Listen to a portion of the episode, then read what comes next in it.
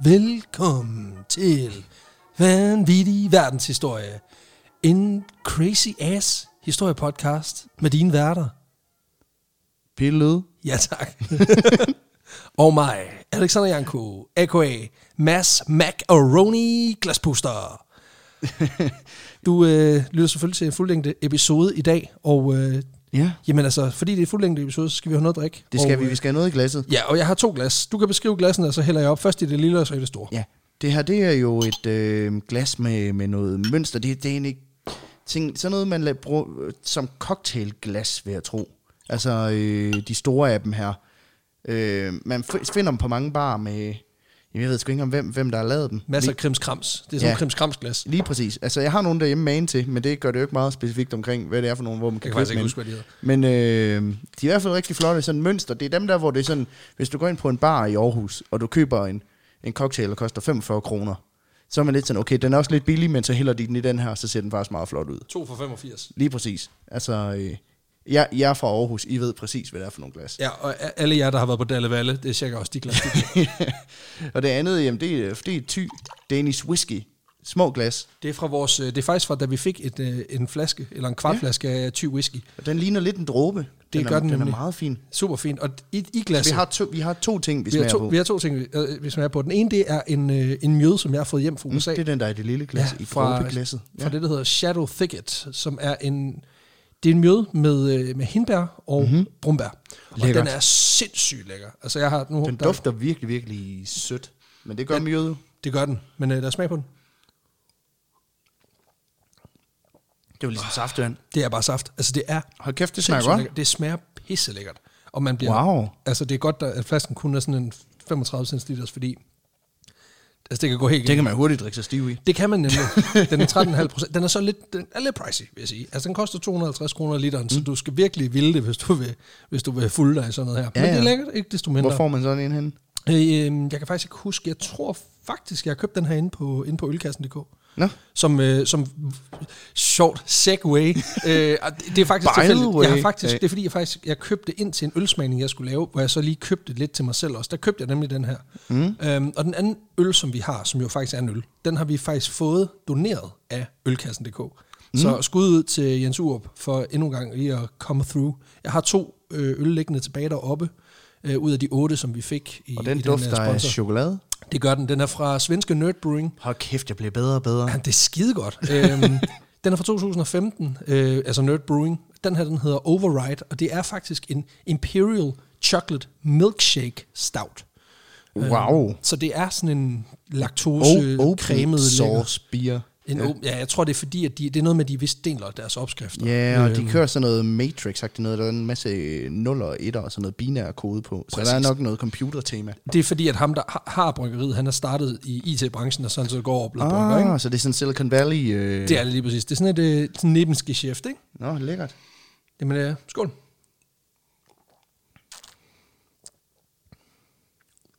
Den smager jo af sådan en... Chocolate milkshake. Det, den smager jo af en sprittet chocolate milkshake. Ikke? Altså, hvis, den, hvis du lige har spiket din... øh, Det smager af Kinder Egg shots. Det gør det, og det er, det er satme lækker. Meget, sådan, meget fyldig, har sådan lidt ristet mørke noter, samtidig med, at den smager lidt af chokolade.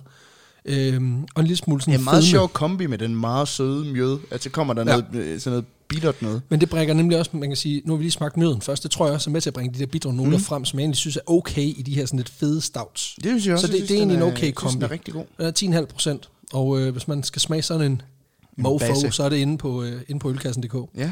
Men øh, Peter, Super fedt. yes, nu vil jeg jo læne mig tilbage, og Ja. så vil jeg lade dig Ja, for det er jo mig, der er fyre historien den med af. i Ja dag. tak. Ja. Vi, øh, vi skal snakke film. Jamen, øh, det, er- det er min yndlingsemne. Ja. Øh, det har faktisk en af de historier, jeg længe har ville lave. Ja tak. Øh, fordi som, som man nok har regnet ud, øh, både du nok også har, det ved du, men øh, Filmnørd.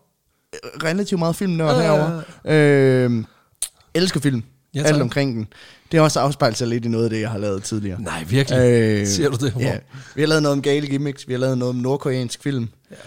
Åh oh, ja, det havde jeg ikke glemt. Der var også det om Tom Hanks, øh, aprilsnaren Ja, med... det har jeg ikke glemt. Og så øh, er der jo masser af filmreferencer i de afsnit, jeg laver. Øh, men i dag, der, det, altså, det her det er filmhistorien, jeg har ville lave. Okay, okay. Øh, den har været på min liste siden dag nummer et. da jeg ringede og sagde, eller skrev til dig på Messenger og sagde, skal vi lave en podcast? Så siger jeg, way ahead of you. jeg ved præcis, hvad det skal handle om. Perfekt. Ja, for vi skal tale om en film, der var det pureste kaos. Okay. Oh, nej. Både, øh, både foran og bag kameraet. Er det Waterworld? Nej, men det er et godt bud.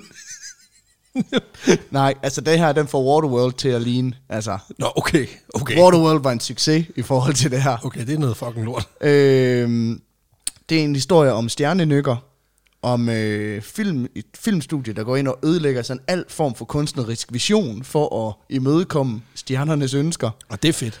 Den handler om smålig hævn, den handler om had, og så handler den om hash, og ulykker, blodritualer, warlocks.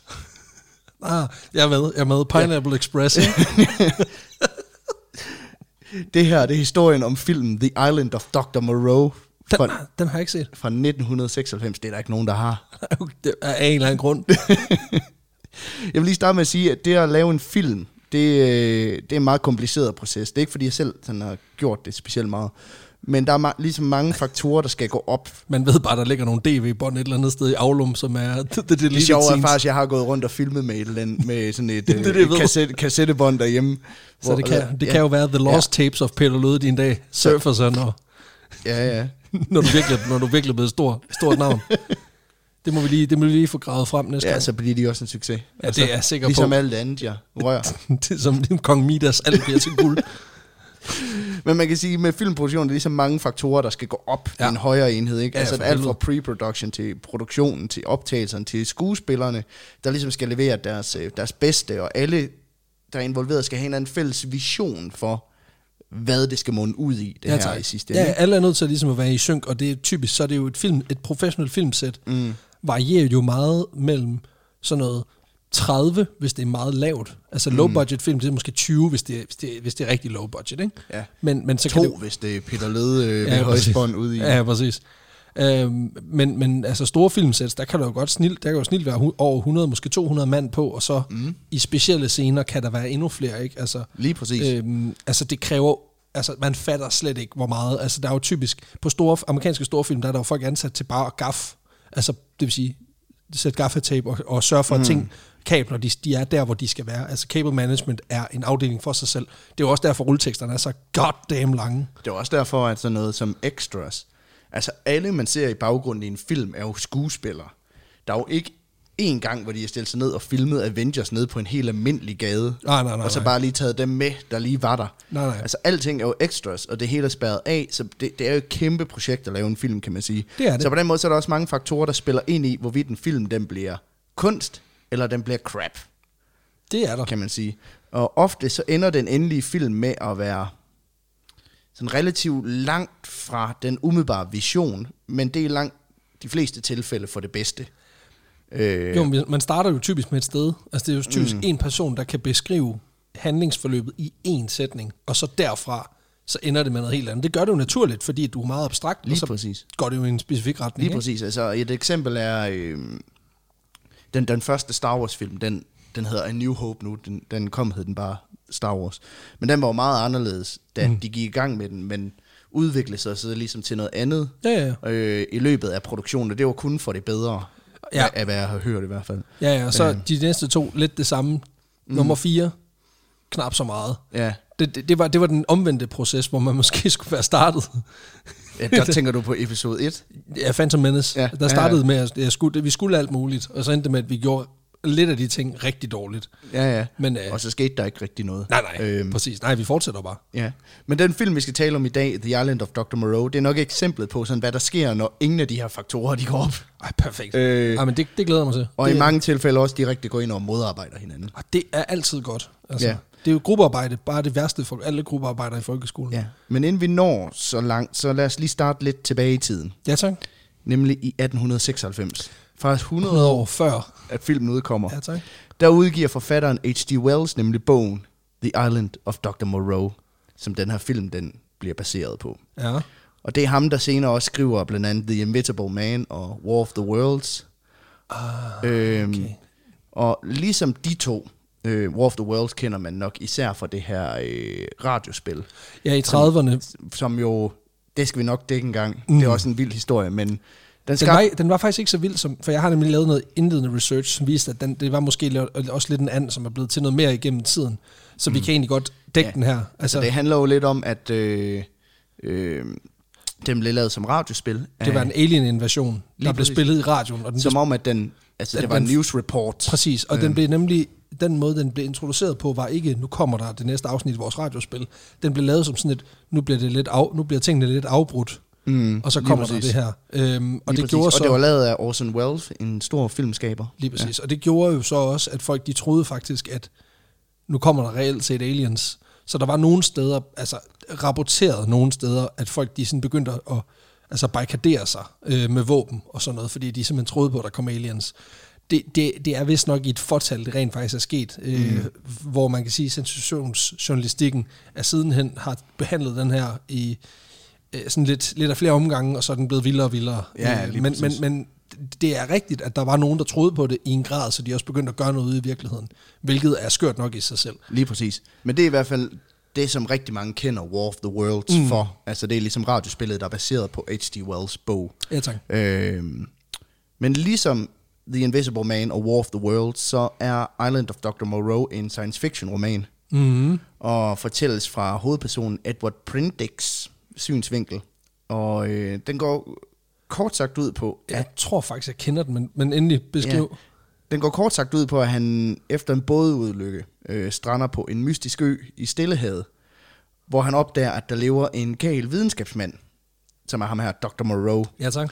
Og øh, Dr. Moreau, han lever i eksil, fordi han tidligere har eksperimenteret med at krydse mennesker og dyr, Ja, øh, for simpelthen at skabe sådan nogle man-animals. Manimals. Manimals. og øh, der har den civilis- civiliserede verden ligesom sagt, no, Det, no du, skal ikke, det, du skal ikke være her. No thank you. Øhm, så han er flygtet til den her ø for at fortsætte sine eksperimenter, og hvor ham her, Edward Prendick, altså nu er strandet. Og øh, Dr. Moreaus mål er at hjælpe dyr med ligesom at opnå et kognitivt og intellektuelt niveau på højde med menneskers, ved simpelthen at lege Gud og skabe de her dyre mennesker. Ja.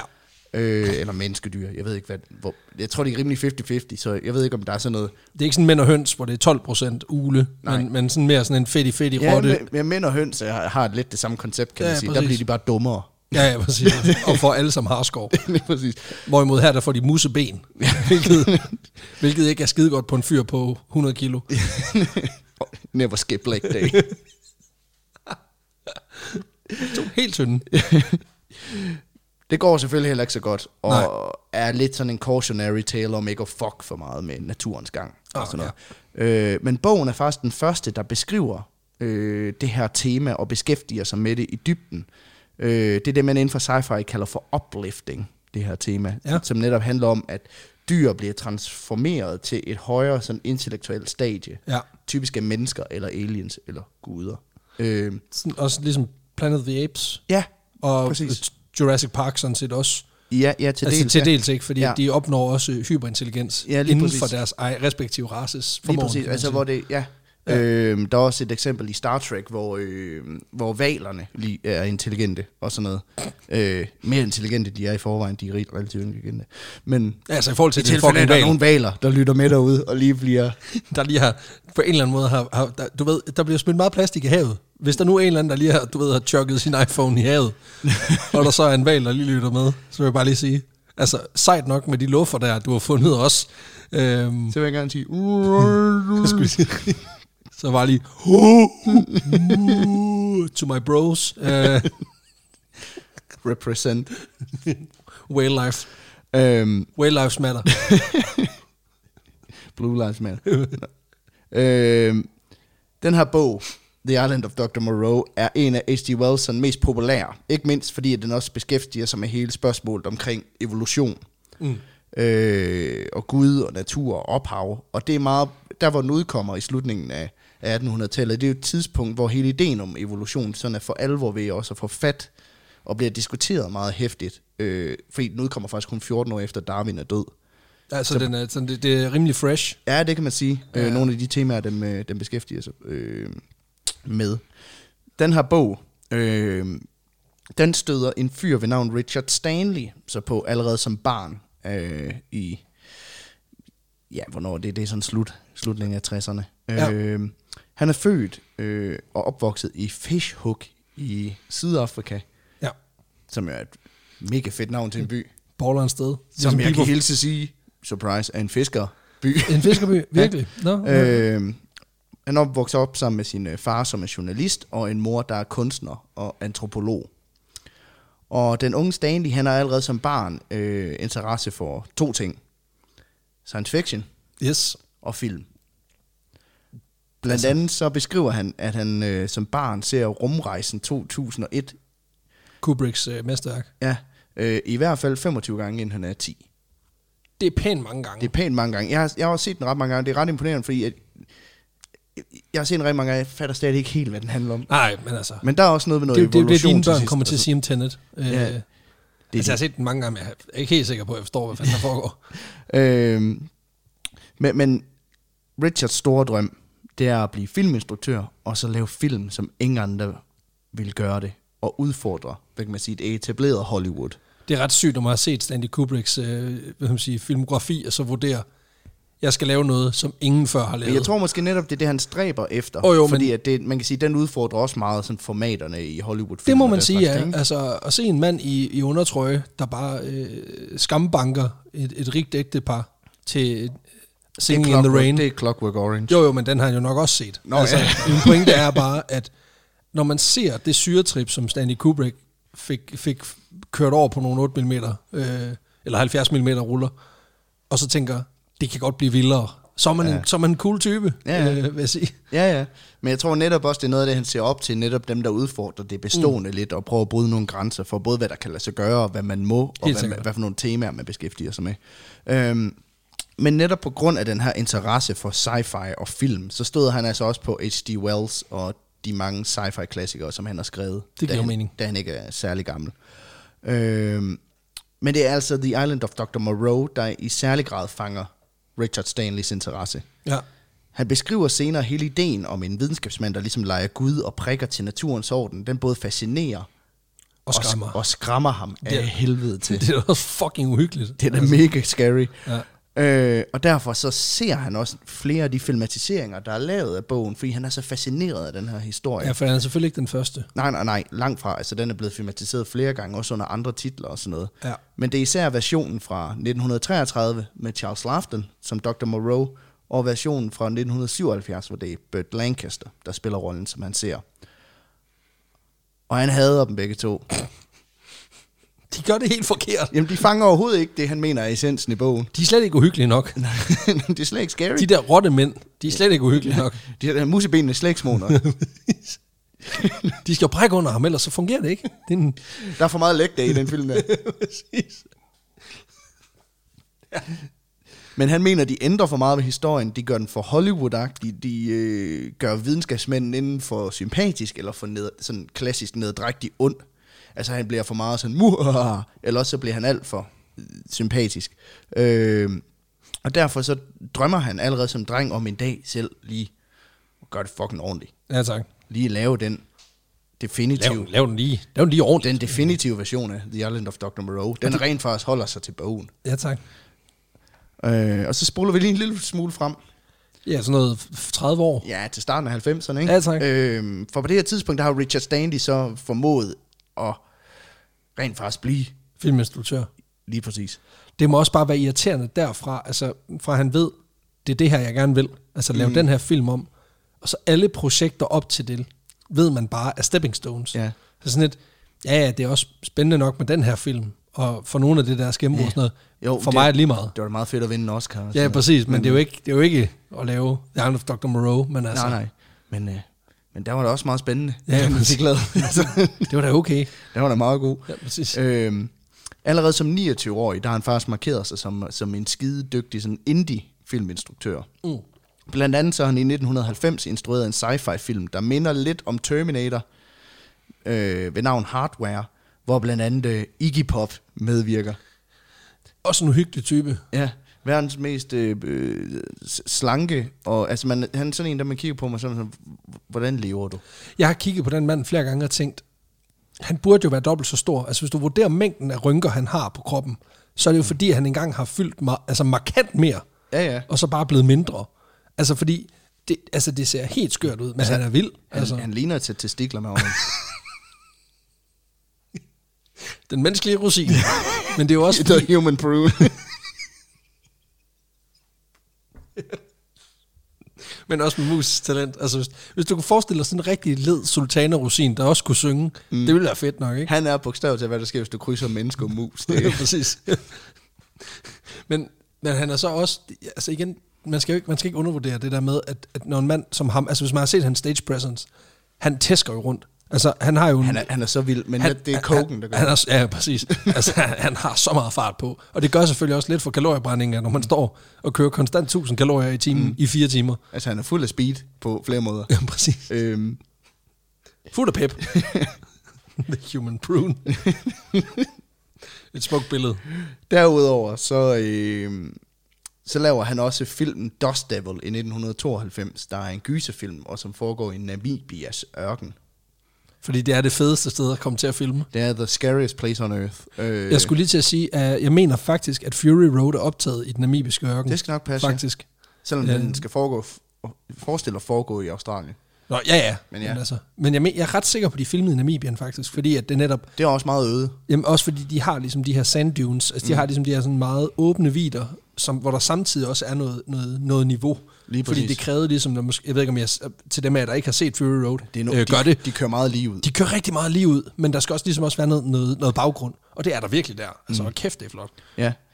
Begge de her film, som, som han laver, de er produceret for sådan forholdsvis lave budgetter, i hvert fald når det kommer til Hollywood. Åh, oh, man har kørt til Namibien for at lave en film, det er jo ikke gratis. Altså. Men øh, hardware øh, er produceret for halvanden million dollars.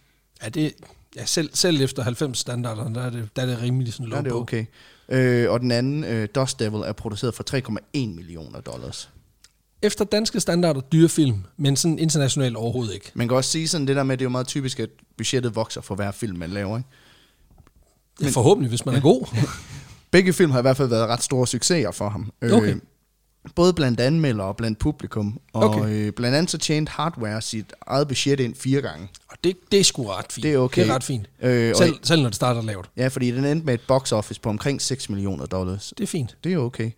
Øh, uden at være sådan helt vildt inde i filmbranchen, så er jeg sådan, det er en okay investering. Ja, ja altså det er Øh, noget med, at den, den allermest indtjente, det er borte med blæsten, hvis du korrigerer for inflation, og det er sådan noget med, at den har tjent sig selv hjem 20 gange eller sådan et eller andet. Men, Ja, ja. ja. men altså, selv Avatar har, jo- har jo også tjent sig selv hjem sindssygt mange gange. men, også det er jo, det. men det er jo også igen, fordi det var jo så også, hvad man siger, øh, helt ny teknologi kombineret med, altså det var virkelig sådan en, alle skulle se giraffen, ikke? Fordi Lige det var præcis. jo fandme mig ikke på grund af det, f- det var ikke på grund af det fede manus, at man tog ind og se den. Nej, nej. Altså det var, det var bare Pocahontas. Jeg har også set den hele én gang. Ja, præcis. Jamen, jeg, har set, jeg, har faktisk, jeg har faktisk set den derhjemme på et billedrørsfjernsyn. Så skal man fandme ville det. hedder med mig også en kastreret oplevelse. Det er det, jeg siger, så skal man altså virkelig ville det. det er, med- altså, den er, den er sådan en tredjedel så imponerende. Sådan Nej. Rent, rent visuelt, og den er... øh, Det er en 80'ens 20. del af en, op, af en oplevelse. Ja, og det, det- historien er ikke særlig engagerende, men til gengæld så var den kun 5 timer. Ja, præcis. Ej, det er på grund af alle seks scenerne. det der med, når de fletter haler, eller hvad fanden de foregår. Det er også bare, det er lækkert, ikke? Ej, det var, det var for meget. altså. jeg, jeg tror, vi er i hvert fald en to-tre stykker, der går og glæder os meget til Avatar 2. Ja, det, så. ja, men for helvede, mand. Altså, kunne vi, kunne vi bede om at få den? Altså, nu har jeg set, nu har jeg set etteren i SD. Det var rigeligt for mig. Men da Richard Stanley han har overstået de her øh, projekter, øh, de her mindre projekter, så tænker jeg, nu er det, nu er det kraftigt nu. Nu er det nu, mand. Nu laver vi den. Nu går vi Moreau. Så på det her tidspunkt, der er han 29 år gammel og har ligesom de her to succeser med i bagagen, og så bruger han de næste fire år på at udvikle sin version af The Island of Dr. Moreau, som han derefter, du ved, vil ind og pitche, for at se, om han kan få den afsat til filmstudie. Det siger også noget om hans årsløn, at han lige kan tage Ja, ja. fire års sabbatical for lige at... Ja, men vi kommer måske også ind på, at han, ja, han er lidt en type. Ah, Øhm, okay. Ja. Men ambitionerne er i hvert fald store. med her selvfølgelig. fordi han vil lave en episk genfortælling af H.G. Wells Men han har, også, han, har også, han har siddet og tænkt med halvstift øh, skaft de sidste 20 år på det her. Lige præcis. Så selvfølgelig skal det være storslået. Lige præcis.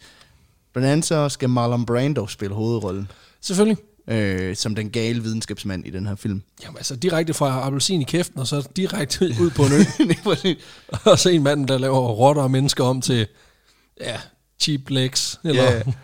Øh, Marlon Brando, han er en af de største skuespillere nogensinde. Ja. Ja. Ja. Øh, man kender ham nok bedst for, ja, som du siger, I'm the man with the oranges. Don Vito Corleone i uh, Godfather, ham der. You come to me. I'm no The day day of of my my daughter's daughter's wedding. Øh, man kender ham også som Supermans far i de gamle Superman-film. Altså, han er kæmpestor. Han er kæmpestor. Øh, Øh, var et sexsymbol i sine unge dage. Øh, nok og ikke, lidt også i en gamle dag. ja, Silver Fox. ikke på de helt gamle dage. Nej, nej, nej, nej, Øh. nej. Altså, han ældes ikke rigtig med øne. Ej, det, nej, men det er der jo ikke rigtigt. Sådan, altså, den type skuespillere, de, de havde en tendens til ligesom at decline relativt hurtigt ja. til sidst, ikke? Altså, han blev ikke sådan human prune. Han spiste bare mange, øh, mange rosiner. øhm, Jeg gik- Han gik John Goodman-vejen. Begyndte at spise sine, sine co-stars. Nej, det, det er også for meget at sige. Han, han, det er rigtigt. Ja. Ja. Han, var, han var i sin prime der i sådan slut 30'erne, start 40'erne. Der, der Ja, ja. ja. var den altså virkelig. der var en virkelig Der var den god. Øhm, Stanleys version af den her fortælling er lidt mere dyster end de andre filmatiseringer, der tidligere er lavet. Og tager ligesom H.G. Wells fortælling fra 1896 og placerer den i nutiden. Ja. Med henblik på at lave en satirisk kommentar på sådan mere nutidige issues. Øh, for man kan se hele den her med at gå ind og lege Gud og prøve at ændre på naturen. Det er ligesom en problematik. Det er sådan et gennemgående tema ja. for menneskelighed. Det er også Altid. det. Og hvor går grænsen og sådan noget. Hvad kan man tillade sig? Øh, men vigtigst af alt, så har øh, han ikke blockbuster-ambitioner med det. Tværtimod, så forventer han nærmere, at filmen vil blive sådan en langsom klassiker. Du ved, lidt ligesom Rumrejsen 2001, der ligesom, den delte meget vandet, da den udkom. Ja. Men er senere sådan blevet anerkendt som en af de største film nogensinde. Men det var ikke, fordi det var nogen sådan bravende, hverken økonomisk øh, succes eller anmelder succes Nej, nej. på den måde. Øhm, men det er først senere, at den ligesom Det er en, lang, kom. det er en langsigtet investering. Ja. Ja, så det er ligesom i hvert fald det, han forventer. Han vil ikke ud og lave, øh, lave det store actionbrag. Tværtimod så vil han lave den der film, der om 15 år vil være sådan, der var sgu en af meget god. Ja. Øhm, Den, skal lige, den skal lige have 10 år. ja. Han vil ikke lave Avatar. Det er det, jeg prøver at sige. øhm, som Stanley selv beskriver det, så er hans version af The Island of Dr. Moreau, det er ikke en, du kan lave om til et Happy Meal-legetøj.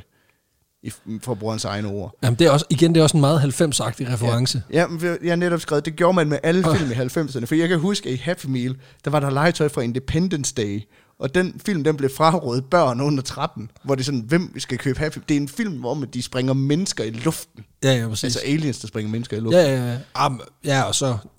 Altså, alle, alle film, hvor der er atomvåben med, tror jeg generelt er uegnet for børn. De burde ikke have Happy Meal-potentiale. det now, sådan... now in Happy Meal. My first nuke. oh, wow! Launcher sælges separat. I'm gonna go bomb J- Japan! Watch out, Hiroshima, here I come! Og forestil mig reklamen. Ja, ja. Collect them all. Am, der var, der If var you collect them all, you get the unique Enola Gabe. hvor man flyver. Jamen, det er rigtigt, for der var helt klart sådan en, altså der var helt klart det er sådan den der, den der tv-reklame Ja. i 90'erne, som jeg kan forstå stadigvæk eksisterer i dag. Altså det er ikke sådan, at, at reklametypen, altså alle kan huske dem, den der sådan børne, øh, børnelegetøjsreklamen, mm. BA Legetøj kørte den også lidt, men det var især de der amerikanske reklamer, som var blevet dobbelt til dansk, som fungerede Men så vi helvede ser til. sådan på Cartoon Network og Præcis, det der. ja. den type reklamer. Og det er helt klart, jeg kan sagtens se det med nogen, der tænker, ved du hvad, atomkraftværker, dem kan vi godt reklamere for. Ja, ja. Det er ikke noget problem. Jeg kan også, altså, Så er det bare børn, der løber rundt, og nogen, der bliver dækket af grønt slim og sådan noget. Det, det er ikke et problem. øh, Nej, nej, men det er også sådan, der... Øh, der var også for Jurassic Park, og den, der var den, den der... Øh, Velociraptor. ja, og der var også den der frygtelige Godzilla-film tilbage i 90'erne, hvor det er sådan, det er jo film, hvor folk de bliver et. Altså Pulsagari. Nej, den hedder bare Godzilla. Åh, oh, okay. Øh, Og Ah, Pu- jamen, Pulgasari var jo... Pulgasar, ja, men det er en helt anden kaliber. Ja, jeg skulle lige sige det. Der det blev, er 10 ikke, niveauer der over. blev ikke lavet Happy Meal, der blev bare lavet Great Leader Toys. Der var, prøv at, høre, det ved vi jo godt, at, at i Nordkorea, der hedder det jo ikke et happy meal, der hedder det dårligt nok et meal. så, så der, var, altså, der kan du glemme alt om det der. Hvad hedder det bare sådan... Uh, uh, kinda angry. Der er det bare øh, grass on the lawn. Altså, Kinda angry bread. hvis du overhovedet får bread. Altså, Kinda angry bad harvest. altså. whatever is left on the fields. Men, øh, Nå, vi skal videre. Undskyld. Ideen er i hvert fald, det er ikke, det er ikke den typiske sådan 90'er blockbuster, han vil lave. Nej. Øh, han mener ikke, at filmens temaer egner sig til at være en familiefilm. Det- Det, er, Jeg kan ikke lade være, jeg tænker på far til fire i Japan. hvor ja, præcis. far han får rådet sig ud i at klone mennesker og dyr. Ja, og så, præcis. Far til fire på øferie. Far ender simpelthen med at komme til at, at lave human seas. åh, oh, piger! øh." Bodil, Onkel Anders er nødt til at skyde øh, en, en halv pand og halv mand. han, han bliver halv Per, halv Bodil. Det er virkelig et uhyggeligt, et uhyggeligt billede. Se sådan en barneskuespiller, der skal være halv, halv snabel. Ja, Ja, men øh, der er ingen, der har behov for. det er i hvert fald det, som han mener, historien er endt som rigtig mange gange. Det er den der klassiske familie. Fordi der er nogen, der prøver adventure-film. at, Ja, at tjekke nogens behov, og Lige han, præcis. "Nå, nu skal vi bare lave film. lige præcis. Det, er det, det vil han ikke lave. Det er true, det er true movie nu. Ja. Ikke? Øh, Det er i- ægte. I 1994, der ringer telefonen så hos Richard Stanley. Og i den anden ende, der er der en repræsentant for sådan et relativt nyt filmstudie. New Line Cinema. At de fik med også bare øh, altså, sådan, øh, bevist deres presence og slået den fast med syv tommer søm i løbet af 90'erne og 0'erne. Ja, lige præcis. Ja, ja. altså, øh, Men de var, det er rigtigt, det er jo sådan relativt. ja, han har set øh, Stanleys, altså de startede sådan i 60'erne, men, på, men inden for filmverdenen er de relativt nye. Ikke? Øh, øh. Øh, han har set Stanleys film, ham er repræsentant, og han kan se potentiale i den unge instruktør. Og ikke mindst i det projekt, som han har hørt, han går og pusler lidt med derhjemme. Fantastisk. New Line Cinema har på det her tidspunkt kun eksisteret i 27 år, øh, hvilket igen er relativt ung for et filmstudie, fordi det er først i 80'erne, de har fået deres første rigtige sådan, succeser med de her Nightmare on Elm Street-film.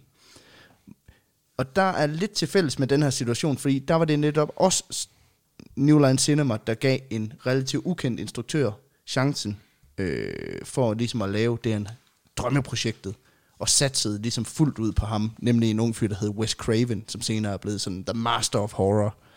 Øh, men der valgte de ligesom at give ham, øh, ham chancen dengang, og det viste sig at være et sindssygt godt sats, fordi de fik deres første rigtige franchise ud af det. Ja. Og den succes, den tænker de nu at gentage ved simpelthen at satse på Richard Stanley og hans projekt. Så de spørger, om han- han ikke lige kommer lyst til at komme og pitch den her idé for, for dem. Og det vil, det vil han da gerne. Han har siddet og ventet ja. Ja. i årtier på det Han har her. bare siddet hjemme og trillet med... Kom nu, kom nu, ring, kom nu. Nå, men så må jeg lave et storyboard. Med Ellen skal jeg jo lave. Ja, Øhm, præcis. Øhm, men han tropper op, pitcher for New Line Cinemas grundlægger Robert Shea. Han viser faktisk nogle, altså nogle illustrationer, han selv har tegnet, for ligesom at prøve at il- illustrere sin, sin drømmefilm. Ja. Ja. Øhm, og Robert Shea her, han er meget imponeret. Lidt skræmt, men også meget imponerende. Ja. Han er faktisk så imponeret, at han sætter sine folk i gang med at lave et dream team, der skal hjælpe Richard Stanley Sådan, med mand. Så den, den, er fuck, den er halvt inde, gutter. Ja, Jamen, den er, den er, Den er helt inde. Den, den, er- den er stort set inde. Den er stort set altså, inde. den, er lige, lige inden du ejakulerer. Ja, ja. Øhm, Okay, ja tak. Øhm, fordi der er meget tæt på, hvad for løsning på det. Ja tak, okay. En af dem, der bliver rekrutteret til det her Dream Team, det er en fyr ved navn Michael Hare, der er journalist og tidligere har arbejdet som korrespondent under Vietnamkrigen. Oplagt type, lige ja. ind på det. Men det er egentlig fordi, ligesom Peter Freuchen, han arbejdede som script consultant på film om det arktiske, så har Michael Hare været script consultant på film om tropiske jungler og krig, og ligesom det, der foregår ja. i, hvad kan man sige, i det, øh, altså, Ja, ja, ja. det område. Blandt andet så har han været inde og finpudse manuskripterne på Stanley Kubrick's Full Metal Jacket og Francis Ford Coppola's Apocalypse Now. Okay, ja tak. Heavy hitters. Ja, Pretty og much, i ja. Apocalypse Now, der blev skurken Colonel Kurtz spillet af Marlon Marlon Brando. Brando. Ja. Og Stanley Kubrick, det er også ham, der instruerer Rumrejsen 2001. ja tak. Det er Full helt- circle. Full circle. Ja tak. Um, okay, du får lige, du får lige golfknips for det der.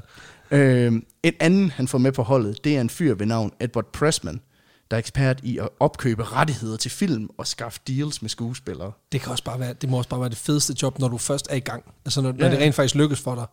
Ja, så, Altså- altså, så øh, får du nogen med, der lige pludselig ved, hvordan man gør alt det, du ikke selv kan finde ud af. Nå, men jeg tænker også, altså at have det job, altså det der med sådan at, at være ekspert i at købe og sælge manuskripter, det lyder sgu, ja. Ja. også, det lyder sgu meget hyggeligt. Det er også det.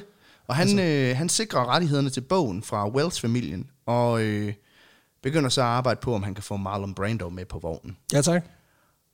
Men på den anden side, det var, altså, det var ham, der skaffede rettighederne, og Brando, da The Godfather skulle laves. Så hvis han kan få Marlon Brando med ombord, så har de ret meget star power, og det er der relativt god sandsynlighed for, at han kan. Ja, for han, han har i hvert fald gjort det før, kan man sige. Ja, det kan man sige. Men allerede her begynder det at gå lidt skævt for Nå. Nå. Richard Stanley. Åh, for helvede. Fordi Fordi Stanley, han er, øh, som jeg siger, han er spøjs. han er spøjs. Han er mærkelig, Nå. for at sige det mildt. Nå. Øh, han beskriver sig selv som en weird kind of guy. Det er endelig, enten så er det et udtryk for, at det er, at han er mildt mærkelig og har meget selvindsigt, eller at han er psykopat underlig og mangler enormt meget selvindsigt. ja. Altså, øh, han er typen, du ved, der går med medaljoner, der skal bringe ham held, for eksempel. Ah, ja. Øh, han er typen, der går med cowboy hat uden i uni. Og øh, Altså Joe Exotic. ja, det er det er faktisk ikke nogen dårlig sammenligning. Nej, okay, modtaget. Meget ekscentrisk type. Han ryger håndrullede cigaretter og mediterer. Før det var cool. Ja, før det var cool. Ja, ja, præcis. Øh, har han nogensinde været cool? nej. Spørgsmålstegn. Ja, Øhm, Nej, men øh, spørg et par hipster inde Ja. på, på Østerbro, så... han er også meget sådan en kunstnerisk type, der godt kan finde på ikke at komme ud i flere dage, fordi han er, er i sådan en form for kreativ isolation. Ja, han mikrodoserer. Han Ja, er og så, typen. og så ja. tror han på energi og aura, og ikke mindst, så er han sådan fucking ustruktureret. Så øh, Ja, Ah, det lyder som det perfekte match for en, en, en instruktør slash... ja, der skal stå i spidsen for en multi-million dollar. Men det er jo gået, to Movie. gange, det er jo gået to gange tidligere. Ja, ja, det kan man sige. Men det kan selvfølgelig være, det er, fordi han har fået, du ved, fået allokeret nogle hjælpere fra kommunen, der siger, kan, kan bare ham i en Det, det retning. har været sådan et støtteprojekt. Ja, du ved sådan noget med, at de, du, de ringer til ham sådan frygten klokkenagtigt, går og banker på hans trailer hver morgen kl. 7.30, sådan at de, sådan, Wakey, wakey. er du sikker på, at du kan komme op? Ja, altså man kan sige, han, det kunne han faktisk godt have brugt i det her tilfælde, fordi på det ja. her tidspunkt, der begynder der at opstå stridigheder mellem New Line Cinema og Richard Stanley, netop på grund af hans sådan, quirky personlighed Ja. og hans tilgang til det hele, øh, for han er enormt utilregnelig for studiet. Og selvom projektet det er hans drømmefilm, så er han blandt andet for dårlig til at møde op til møder med det her studie. Både fordi han mener, det er fucking lige meget. Og det, og, og det, er et godt, det er et godt udgangspunkt. Ja, for dem, der skal betale de mange millioner dollars, du vil bruge til at lave din film. Ja, ja, præcis. Øh, men også simpelthen, fordi han glemmer det i sin kreative iver. Så kommer han til at sidde derhjemme og skrive en masse, og så... Åh oh, ja. Hov, shit. Oh, ja, jeg skal da have med med dem, der skal lave min film. Øh, I hvert fald betalt den. ja. Og det er ikke så godt lige at ikke at mødes en gang imellem med dem, der skal finansiere. Nej, de bliver lidt det- sure, gør de ikke det? Jo, det er der, når, når du ved, du, du vil virkelig gerne udleve din drøm. Du gider bare ikke rigtig mødes med dem, der kan hjælpe dig med det. Altså, det det, er er det. sådan, "Ej, men det er også, så skal man ud og Det er være også social." fedt at være derhjemme, ikke? Jo, så kan du sidde og drømme om din drøm. Det er også meget federe. det er præcis. Derudover så føler studiet ikke helt, de kan styre ham. Øh, fordi det her Dream Team, som de har nedsat sammen med ham, til ligesom at hjælpe ham med filmprojektet, dem lytter han ikke rigtigt til. Perfekt. Ja, og han er dårlig til at tage imod kritik, og han forstår ikke, at alle omkring ham ligesom er pro- interesseret i, at hans projekt skal blive en succes. Han tænker, de modarbejder ham mere, end de arbejder Fordi med at, ham. at det, han gerne vil, det er, han vil bare gerne have, at det bliver på den måde, som han siger. Lige præcis. Så ja, fordi øh. Øh. alt, alt, hvad der kommer af, hvad man siger, holdninger, der ikke er hans egne, det er modarbejdende ja. per Ja. definition. Så han er nok også en smule arrogant, eller i hvert fald sådan har en, hvad kan man sige, en overlegenhed omkring sin egen idé. ja, og sin jamen, egen det er klart, vision, fordi han har brugt 20 år på det her. Han er sikker på, at den er hjemme. Ja, ja, det er også det. Han har gået og drømt om den, siden han var barn, ikke? Øh, så allerede nogle måneder inde i processen, der står det klart for både studiet og, og Richard Stanley, at det her, det, det går rigtig dårligt. Ja. Øh, lykken vender lidt, da de får at vide, at Marlon Brando, han faktisk har sagt ja til spillerollen som Dr. Moreau. Jesus fucking Christ. Og jeg kan hilse at sige, at den her historie den handler lige så meget om Marlon Brando, som den handler om Richard Stanley. Okay, ja, fordi jeg skulle lige til at sige, altså hvis du har et oplæst ego på et sæt, og du så lige, lige, lige ganger med to, Ja, hvad med at gange det med tre? Ja. Det kommer vi til senere. Ja, perfekt. Øhm, altså, Til gengæld, så vender lykken igen en smule for Stanley, fordi han er bare bagveje, ligesom opdager, at New Line Cinema, de, de vil gerne skifte ham ud. de er ved at presse ham De, de, de, ud af bagindgangen. Ja, de er simpelthen ved at prøve, om de ikke kan finde en anden, der kan stå i spidsen for det her projekt. Fordi, Ja, hvor, men, men hvorfor? Altså, ja, det er fordi, at han er jo fuldstændig umulig, jo. Han, øh, men det er som om, han ikke rigtig gider det. ja, det er som om sådan, jamen du kommer ikke til nogen af møderne. Nej, men det er lige meget. Haha, det er lige meget. Jamen, hvordan skal, vi, hvordan skal vi hjælpe med at lave en film, hvis ikke du vil komme og holde møder med os? Jamen, jeg lytter ikke til mig alligevel, så det er lige meget. Ja, præcis. Så hold dem bare uden mig. Ja, men hvem- hvorfor er det der så? Jamen, det ved jeg det heller ikke. Det er da jer, der finder på alt muligt pis. Altså. Men Hvorfor skal vi finansiere din film? Ja, det, det, det, Den er god. Altså, har du, ikke, har du hørt pitchen? har du eller hvad? set mine billeder? Prøv at se de tegninger, jeg selv har lavet. de er blevet rigtig fine. Jamen, de er flotte, og du har skrevet Richard Stanley, 26 år, nede i hjørnet. Ja, Det er rigtig flot. Ja, og du har vendt æret forkert. Det er meget cute. Men altså, der er grænser for, for quirky og psykopat, ikke? Altså, og- og du, du begynder at læne dig lidt op i den forkerte retning, kan jeg godt fortælle dig, kammerat. Ja. Også fordi du skal jo huske, at han på ingen måde ejer det her projekt. Altså, det er New Line Cinema, der har købt rettighederne til bogen. At det er også noget pis. Altså, han- på den måde kommer han ikke med noget, som er unikt. Nej, han kommer med ideen og siger, at jeg har det her, og han har kæmpe, mega meget passion. Men Mm. han er sikkert også for desorganiseret til, at han har fået en, en advokat på til ligesom at sørge for, at han også er sikret. Ja, jamen, Så i teorien kan de bare sige, ja, tak for ideen. ja, Tak for det kreative indspark. Øh, kan du have en god dag? ja. Farvel. Ja, præcis. Øhm, det er dem, der sidder på pengene også, og det er dem, der har ansat alle omkring Stanley. Øhm, Richard Stanley, han har den her mi- vision, men det er der, det er der så mange, der har. Ja, jeg skulle lige så sige, Øh. at altså, der findes masser af tosser derude. Ja, og han er ved at være for ulidelig at arbejde sammen med for studiet. Han er også lidt en bratty little shit, ikke? Fordi han er også sådan 29-30 år gammel. Altså, sådan, ja. han er fucking Og, le- og irriterende. lige et par succeser i, i, I bagagen. baglommen. Ja, det er altså. fint. Ja, og du har været med Namibia. Vi har hørt det. Jamen, det, er, du- det er ja. flot. altså. Ja, og den var god, den film, du lavede Ja, dengang. det er rent nok, og du har fået sand under klunkerne og sådan noget. Det, det, ved du hvad, vi føler din smerte, Du har men arbejdet gider med du? The Human Prune. Men gider du? Præcis. Men gider du godt at fucking slappe af? Prøv nu lige at høre efter. Vi har trods alt lavet film i 27 Din år. fucking millennial. Altså, jeg er ved at, Øh. blive, jeg er ved at brække mig. Ja, præcis. ikke? Men der er også rigtig mange andre instruktører, der står klar i kulissen til ligesom at tage teten op. En af dem er en fyr, der hedder Roman Polanski. Ja, notorisk filminstruktør, der står bla- øh, bag Notorisk womanizer. Ja, det kommer Åh, jeg nemlig også til. Øh, Åh, fedt. Super. Fordi han er en notorisk filminstruktør, der står bag blandt andet filmprojekter som Macbeth, Rosemary's Baby og i, i nyere tid også Pianisten. Han var også gift med Sharon Tate, der blev myrdet af Manson-familien i deres hjem i Hollywood i 1969. Udover hans filmprojekter, så, øh, så har han også haft gang i andre projekter. Som for eksempel øh, drug rape af 13-årige pige i 1977, og diverse andre sexkrænkelsessager, Allegedly. Ja. øh, han er i hvert fald en type, der vil få Jo- Jeppe Kofod til at lige sige, ah, Slap lige af et øjeblik, kammerat. og han kan ikke undskylde det med, at jeg er bare en glad mand. det er bare lige, når der er fester, så kan jeg ikke styre det. nej. Men man kan også sige, at han, han er angiveligt interesseret i, meget interesseret i at arbejde sammen med Marlon Brando.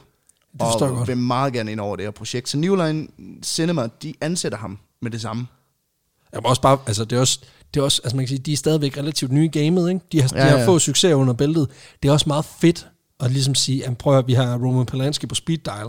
Altså det, det gør også lidt i forhold til sådan respekten internt i branchen, at du ligesom siger, om vi har, vi har en af de hotshot mm. Mhm. øh, instruktører klar til at overtage et projekt, så vi kan bare lige, vi kan lige smide ham ind og spille ham god der, Lige hvor vi præcis. gerne vil have ham, ikke? Jo, og det pisser Richard Stanley gevaldigt af, som bare bliver erstattet.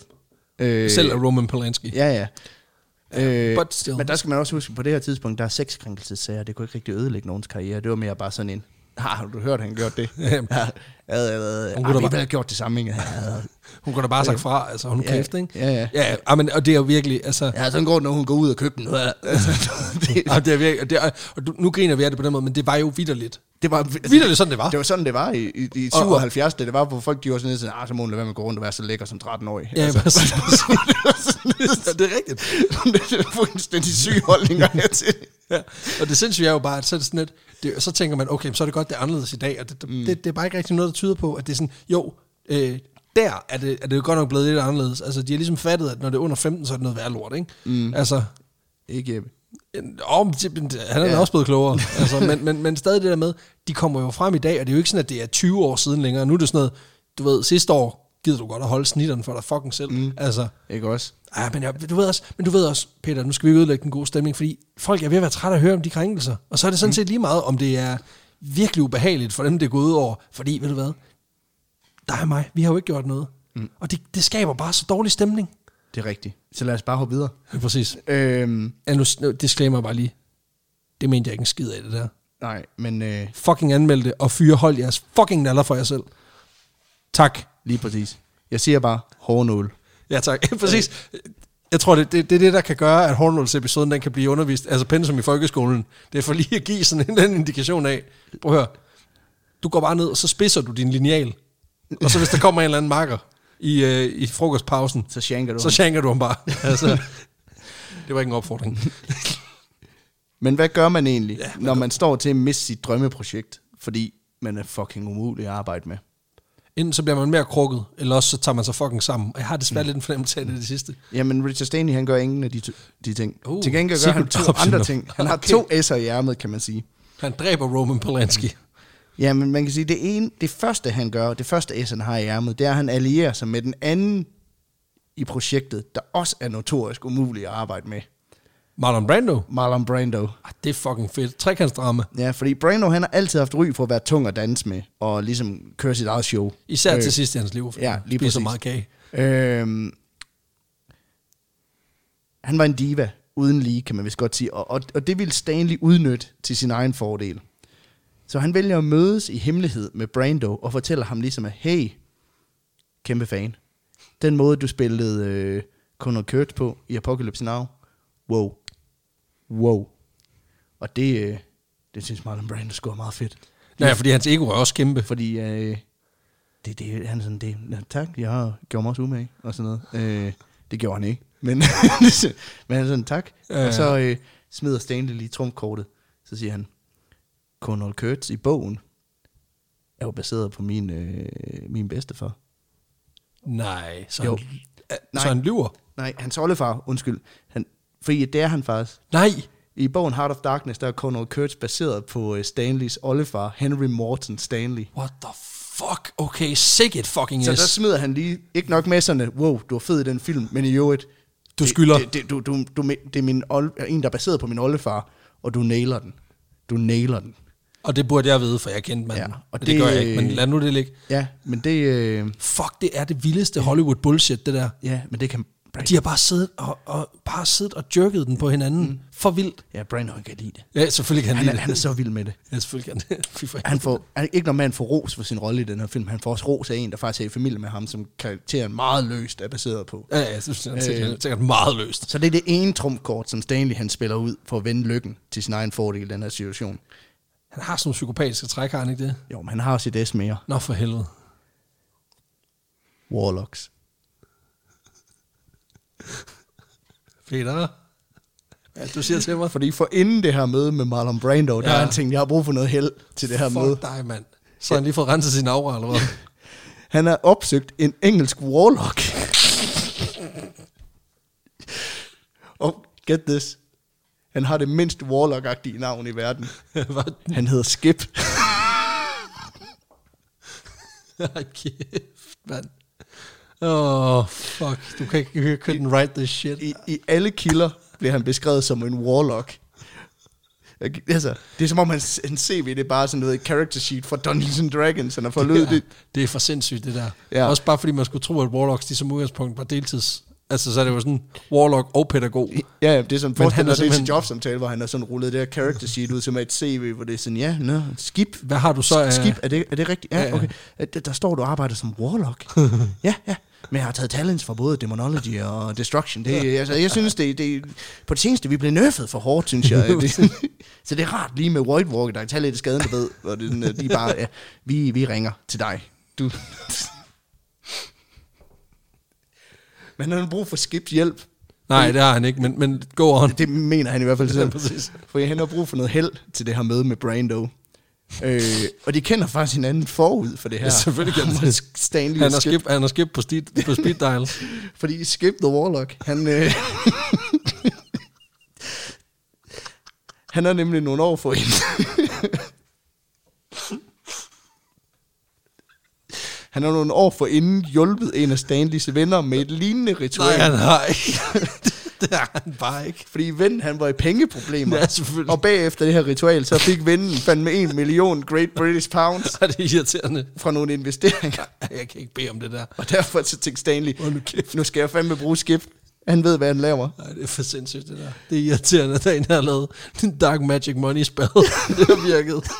det er også bare sådan, jeg er ret sikker på, at Skip han selv har været overrasket. Hvad har du fået? Sådan, han er bare ringet, det virkede fandme. G- Gjorde det? Nej, for helvede. jeg mener, tillykke, eller jeg vil selvfølgelig. Eller, ja. Præcis. Må Hold, satan hold være da med. kæft, så ruller han til død. Warlock, skriver han på CV'et. Så. Money spells plus 4. Super. Men sammen med ham her Skip, der laver Stanley simpelthen et blodritual, Ej, for der skal bringe ham held forud for sit møde med Brando. Har altså, han sådan et blodrituals kit, han tager med rundt? Jamen, det er Skip. noget med, at, sådan, at de skal hul på deres... Jamen, jeg mener øh, bare, du ved, han har sådan en kuffert, sådan en, sådan en kirurg-kuffert, Jamen, Jamen, jeg så har ved han sådan en war warlock-kuffert, sådan, sådan en rejsekit. som kan foldes ud som en telefonboks, og så går han Sådan, ind, der er sådan en rejsekit med sådan en lille, lille kranje med et lys på. så man sådan foldet ud, sådan et teleskoplys. Ej, hvor er det irriterende. jeg, jeg har taget mit lille pentagram med i dag. Præcis. Det, er- det er mit rejseblodssæt. Men helt konkret, så skærer Skip i sin egen arm for simpelthen at få blodet til at tegne sådan et sigil, du ved, sådan et pentagram, Ja, ja, ja. som han så øh, sammen med sit coven, du ved, hans samling af warlock bodies, øh, Okay. Så han har simpelthen et posse med. Okay. øh, dem, det siger han så, jeg vil bede over det her sigil, det her magiske tegn, Mhm. mm. når du mødes med Marlon Brando på samme tid. Og jeg ved ikke, om det er sådan, Stan han siger, jeg går op nu, og så, åh oh, for satan. Så. Jeg ringer rundt til gutterne. øh, men det virker. Eller, Lars, smid, hvad du har i hænderne. Du skal over og bede foran.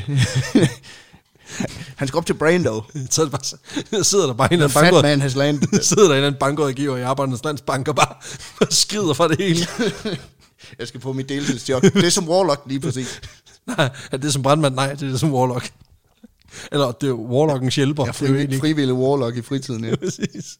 Og nu kæft, hvor er det dumt. Men det, Øh. vir- det virker, eller der, der er et eller andet, der virker. Fordi Marlon Brando, han blev i hvert fald overtalt under det her møde til at kun ville lave filmen, hvis det er med Richard Stanley som Så instruktør. irriterende, det der. Om det er blodmagien eller røvslækkeriet, jeg ved det ikke helt. Men, øh, De to ting er rimelig fedt i fedt, tænker men jeg vil i hvert fald sige, at jeg i mit liv har jeg haft væsentligt større succes med røvslækkeri, end jeg har med blodmagi. Men jeg skulle også lige til at sige, hvor meget blodmagi har du reelt set udført? Jeg har været en del.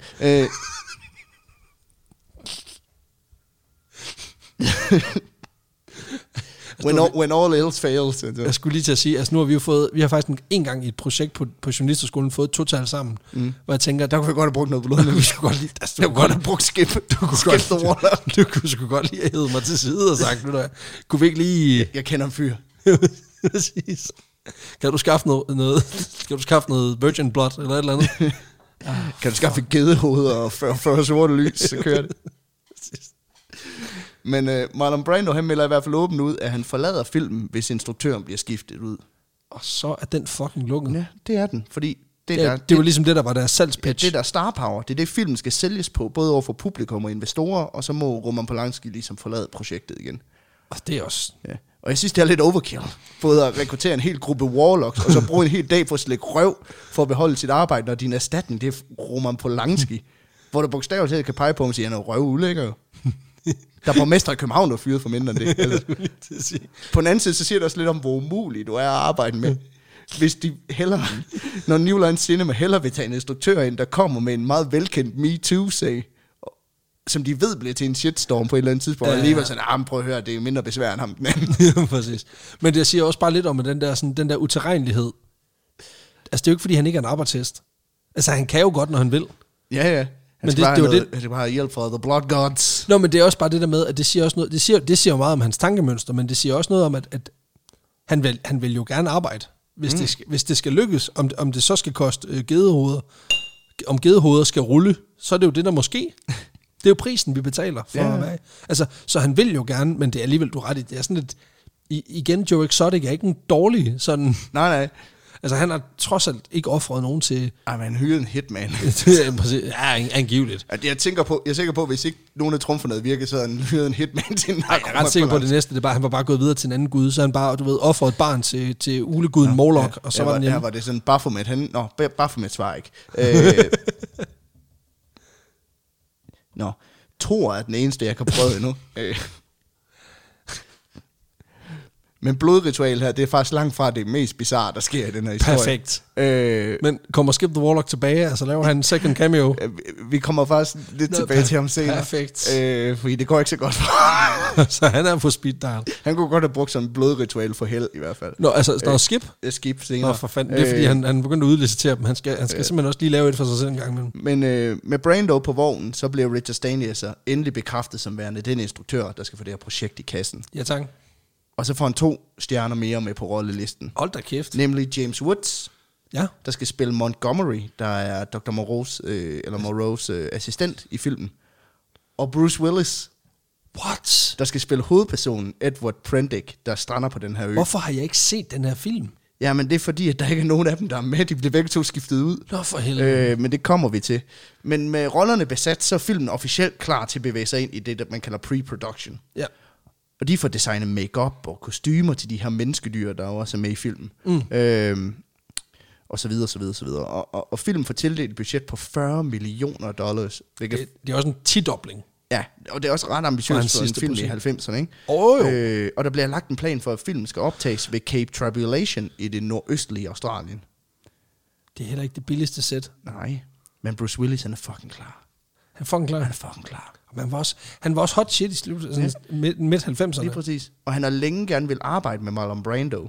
Ja, selvfølgelig. og så har han også et ønske om at prøve at bevæge sig lidt over i nogle mere seriøse roller, hvor han på det her tidspunkt i midten af 90'erne primært er kendt for sådan Die Hard og for actionroller.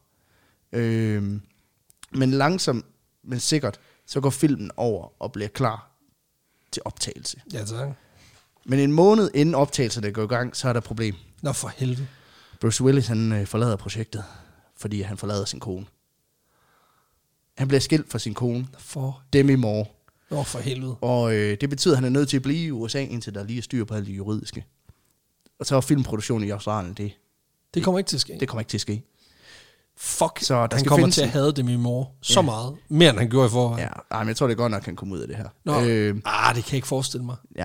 Om ikke andet, der skal findes en erstatning relativt hurtigt. Ja, Ah, sådan rimelig snel. For hver dag, der går, hvor der rollelisten ikke er besat, der bløder produktionen penge, fordi de kan ikke komme videre. Nej, nej, nej. Øh. De er jo nødt til ligesom at have en, der, der er klar til at... Og plus, det er en hovedrolle. Altså, Det er også det. Det er også Det er, jo, det. det er jo hans perspektiv, vi får på det her. Men New Line Cinema, de har en ny en i tankerne. Ja, tak. Superstjernen Val Kilmer. Fuck. Fucking Iceman fra Top Gun. Ja, eller dårlig Batman. Ja. På det her tidspunkt der er han faktisk rigtig hot shit, fordi han netop Ja. yeah. har udgivet Batman Forever, hvor han spiller Batman. Men er det en, er det, jeg ved ikke, var den god dengang, da den kom ud? Den var i hvert fald relativt hyped. Øh. Ja, ja men, Altså, men det er ikke det samme jo. Nej. Øh, men Er det, han, den, er det den, hvor han har et bat kreditkort? nej, det er Batman og Robin. Det er den med George Clooney. Nå, okay, ja, okay så Ja, ja, den tager har jeg alt det- tilbage. den Hvad har keder det mig, det er sådan- okay. Ja, den han er er ikke sådan, okay. som, som, som det er også, Batman det er også kommer. indie på det nipples på suitet. Ja, men er, er vi ikke også, altså hvad keder mig, han sådan, på batskalaen, der er han sådan lige, lige midt lidt over måske. Ja. Ja, ja, jamen, han er sådan average, average bat. Ja. Øh, Okay, godt nok. Øhm, men han er i hvert fald på det her tidspunkt en af de største stjerner i Hollywood, fordi at han altså, lige har udgivet. Ja, ja, altså, præcis. Batman er, må- er en af de største roller, du, du, du kan spille i Hollywood, også på det her tidspunkt. Og øh, på det her tidspunkt, godt en måned inden optagelserne skulle gå i gang, så er han i Japan på pressetur for netop at promovere Batman. Batman Forever. Og New Line Cinema, de sender derfor Richard Stanley på en mission. Du skal rejse til Japan, og så skal du overbevise Val Kilmer Om at han skal være med i, om, at han skal være med ja. Ja. i den her film. The Isle of Dr. Monroe. The Isle of Dr. Moreau. Og øh, for ellers så kan projektet ikke reddes. Det er så også. For da Willis han droppede ud, der begyndte investorerne også at trække nogle af deres penge tilbage. Altså, de, de har stadig Brando på listen, Ja. og, og Jam- James Woods, men det er ikke lige nok. Men de begynder ligesom at se også, du ved, sådan, så er de, så, ja, Ja, så de- tør de... været lidt ude, så har været lidt inde. igen. De begynder måske at se nogle tegn på den her produktion. Den, Den rasler lidt i kanterne. Ja, så, præcis. øh, så nu er vi sgu nødt til lige så at få der er brug noget, for for noget, noget noget star- samling på det. ja, noget star power, der kan holde det sammen, ikke? Ja. Øh, hvis de, I hvert fald hvis de har planer om at beholde de her 40 millioner dollars, der er investeret i filmen. Og det skulle de, fordi de allerede brugt rigtig mange af dem. Åh, oh, for helvede. Øh, Øh, ja, okay. Så da Richard Stanley han sætter sig i flyet mod Tokyo her i starten af 1995, der er det med budskabet om, at man skal komme hjem med et ja fra Val Kilmer, ellers så lukker lortet. Og så er de jo pres. Er Skip med på flyveren? Nej, Nå, det kunne men han, han kunne, have godt, han kunne godt have brugt ham. Øh, brugt. Kunne han bare skulle ringe og sige, samle gutterne. ja. Og for en ged. Det er nu. ja. Men han får sat et møde op med Iceman over i Japan. Også, også relativt stærkt lige. Og, Øh, ja, ja, og om bare- det er studiet, der gør det. Nå, ja, Øh, men stadig. Men øh, og prøver ligesom at sige sådan, sådan, hey, you're up for this one, Maverick. Det er et Iceman-citat fra Top Gun. Øh, og der siger Val Kilmer så, jamen, hvornår går I i gang med at optage? Hvor til Stanley sådan, sådan jamen, vi er faktisk så småt ved at gå i gang. og så er Val Kilmer sådan, jamen, så kan du, det gider jeg ikke. Han vil gerne have lidt mere tid. Jamen, hvordan skal jeg nå at forberede mig til en hovedrolle på en film, der allerede, hvor man er begyndt at filme sådan noget establishing shots og sådan noget? Ja, Det er et reelt, Ja. en reel tanke. Men, siger Kilmer, hvis du kan skære ned i min screen time, altså det tid, han er Ja, på ja, skærmen, præcis. altså dermed arbejdsbyrden, Ja, ja. hvis du kan skære det ned med 60 procent, Og det er ikke så lidt for en hovedrolle. nej, så gør jeg det. Og Val Kilmer har selv sagt, at grunden til, at han, øh, han satte det krav, det var, fordi han skulle ikke lige gad lave film. Nej, præcis. Øh, men på den anden side, hvis han kun skulle lave 40% af det arbejde, han ellers skulle, så er fint nok. Ja, altså Ja, så- til fuld løn, ikke? Ja, og så gad han i øvrigt heller ikke være så lang tid hjemmefra. Så det skulle, han ville kun lave 40% af det, de ville have ham til. Og det er så lidt af en ændring. Du kan ikke bare skære tre femtedele af en hovedrolles arbejde væk, Nej, uden at, altså, så hænger filmen ikke sammen. nej. Øhm, men Val Kilmer, han vil altså kun, hvis han kan være så lidt i Australien som muligt, og lægge den allermest minimale arbejdsindsats de dage, han er der. Det er virkelig irriterende, det der. Det er virkelig irriterende. det Og det men var han har ikke, jo lige tjent boksen på at lave Batman Forever, så, Ja. yeah. så why even bother? ja, altså. men det kan, det kan heller ikke lade sig gøre. Når, altså, når der taler om hovedrollen, så skal f- der, det skal bære filmens handling sammen med skurken Marlon Brando, ligesom Ja, ja, ja, ja, ja. måske kan anses som, an, anses ja, ja, som en anden han er hovedrolle. ansøg- Ja, jo, selvfølgelig. Og Richard Stanley, han vil hjernes gerne bare bede Val Kilmer Om at pisse af helvede til. pisse helvede til. Ja, præcis. Men det kan han jo heller ikke, fordi så Nej. ryger, så ryger hele I lorten. baghovedet lurer den her tanke om, at projektet lukker og slukker, hvis han ikke er med. Så han siger, okay, du slipper med 40% af arbejdet. Det er fandme også, det er også en syg måde at definere tingene på, ikke? Ja, Jamen, jeg, jeg vil gerne spille hovedet, jeg gider- jeg gider bare ikke spille Nå, hovedet. men også bare det der med, at man sådan kan sætte procentsats på og sige, ved du hvad, du er nødt til at skære 60% af. Hvad, hvad, hvordan definerer du det? Fordi, Det svarer til, hvis vi skulle have en med her i podcasten, så siger jeg, jo, jamen, jeg vil kun være med i 40% af afsnittet. men det er jo, nej, men, jamen, ja, bortset fra, at det er jo også det der med, hvordan, altså, så, skærer du, så tager du alle replikkerne, og så skærer du 60% af. Noget af det tager jo længere tid. Ja, Ja. ja. Noget af det fylder mere, fordi du bare er til stede. Mhm. Mm. Altså, det er pauserne, det er alt muligt. Altså, h- hvordan fanden definerer man det? Det er også det. Men- Men, men det, jeg tænker, det har noget med optagedage at gøre. Ja, Ja, ja, ja, simpelthen så at ligesom prøve 60% af optagedagene væk. Mm. Øhm, men Val Kilmer, han siger ja, da han bliver lovet det her. Så Men må det hvordan, jo- hvordan fanden gør man det? Stunt double. Ja, fordi han overvejer netop at bruge øh, en stand-in. Altså simpelthen kun bruge Val Kilmer i de shots, hvor man ser ham forfra. Ja, ja, du ved, altså, øh, øh, jul på Vesterbro-metoden. Ja, altså simpelthen jeg, så bruge en body double til alt andet, hvor man ser Ja. ja. ham langt væk fra og sådan noget. Ja, hvor det er fra siden og fra ryggen og sådan ja. ja. noget. Men det, fungerer, det vil ikke fungere i praksis. Nå, okay. Så i stedet så vælger han at shuffle lidt rundt. Så Val Kilmer, i stedet for rollen som Dr. Moreau's assistent Montgomery, altså den rolle, og så som, skal James Wood spille rollen som... Ja, for det er den rolle, som James Woods oprindeligt skulle have spillet. Øh, og selvom det er en relativt stor rolle, så mener han godt, at han kan skære den ned på et niveau, hvor den imødekommer Val Kilmers krav. med Mm, hensyn og til så kan spilletid. James Wood, som har sagt ja til at spille assistenten, han kan så bare lige tage hovedrollen. Ja, nej. Nej, det, nej selvfølgelig Nej, kan han ikke det. nej han, han ryger da bare lige ud på røv og albuer. Nå, så de smider James Wood fuldstændig ud. Ja, han ryger fuldstændig ud af projektet. Hold da op. Ja, Ja, ja. ja. okay. Og så, men så er det jo lige ja vidt. for han har, han har jo ikke gået forberedt rigtig længe på den rolle, så det er han jo overhovedet ikke bitter over. Nej, men øh, det- det giver jo slet ikke nogen mening, fordi de, de manglede en hovedrolle, så nu gør han det, at han tager en, en skuespiller, som var sikkert, et sikkert kort, ja. Ja. som også kunne levere det. Så kylder han det ud for at erstatte det med en, som er en fucking krukke. Ja, men som har et bankable name. Ja. Og det havde James Wood jo. Ej, ikke lige så meget, det er jeg med på, ja. Ja. men, men stadigvæk. Ja. Ja. Og så skal han så finde en ny hovedrolle stadigvæk. Ja, Og det, og det accepterer nu Line Cinemas åbenbart. ja, ja. Men de vil bare gerne have været Kilmer med. Nå, fordi okay, at- så det er fordi at han derfor. ser god ud på plakaten, ikke? Ja, altså, Hans navn ja, er fed på plakaten. Ja, fedt nok. Fedt. Problemet er også bare, at Val Kilmer overhovedet ikke passer i rollen som Montgomery. Nej. Øh, fordi Montgomery er, i hvert fald i bogen... Sort. nej, Nej, nej, ligesom dog ikke. James Wood ikke er. Men han er en hyperintelligent kirurg, der arbejder som dyrlæge ved Dr. Moreau, og er et stykke op i alderen, relativt skinny og med et voldsomt alkoholmisbrug. Perfekt til en fyr som James Woods, der på det her tidspunkt er omkring som de 50, og faktisk, du ved, øh, spiller, passer, passer. spiller læge rigtig mange filmer, og ligesom har noget Ja, sofistikeret præcis. ja, over sig. Val Kilmer på det her tidspunkt, midt i 30'erne, starten af 30'erne, bygget som fucking kød, køleskab, og ligner sådan en Action Man legetøjsfigur. Altså, Ja, øh, præcis. Så Richard Stain, han må lige skrive rollen om fra at være øh, sådan lidt en nørd, til en, en sofistikeret, du ved, kirurg, til at være en fucking en action honk. hunk. ja, præcis. Det kan, det kan jeg ikke se kan være et problem. Nej, det er så, så han skriver lige en helt anden karakter til erstat, øh, som hed- stadig hedder Montgomery, og har den samme sådan rolle som assistenten, og er Men kirurg, bare er noget helt andet. men også er en, lidt en gunslinger. Hvilket jo er perfekt i forhold til hans oprindelige vision om at lave den helt rigtigt. lige præcis. Perfekt. Men jeg vil også sige, det svarer lidt til det er sådan, du ved, du kaster Ian McKellen til at spille Gandalf, men så, fordi New Cinema, de vil have Samuel Jackson med, så omskriver du ham bare fra at være vist troldmand til bare at være typen, der bærer semi-automatisk på vej til Mordor. Ja. Sådan i stedet for You shall not pass. I'm tired of these motherfucking Balrogs in my motherfucking mind. så er det bare... Men Val Kilmer han får altså den her rolle som Montgomery.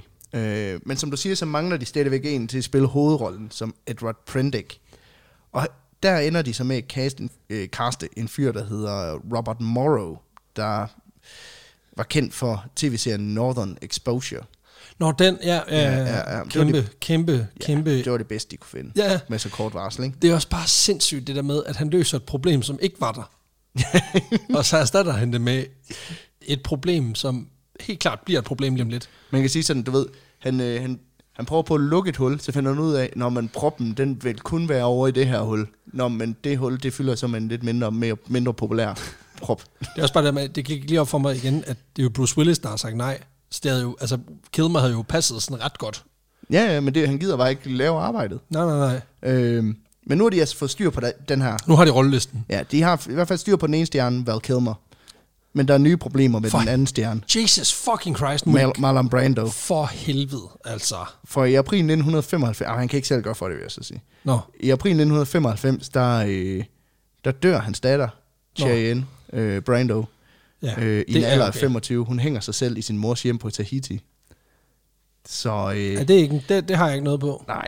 Og det efterlader selvfølgelig Marlon Brando en kæmpe sorg, men også midt i en familiekrise, som han er nødt til at tage sig af. Ja, så kan han sgu ikke være så meget i Australien. Nej. Det er selvfølgelig rigtigt. Og øh, derfor så står he- hele holdet nu pludselig klar i Australien. De har det hele landet op. De har rollelisten klar. De har bygget sæt. De har det hele. De har kostymer. De har et manuskript.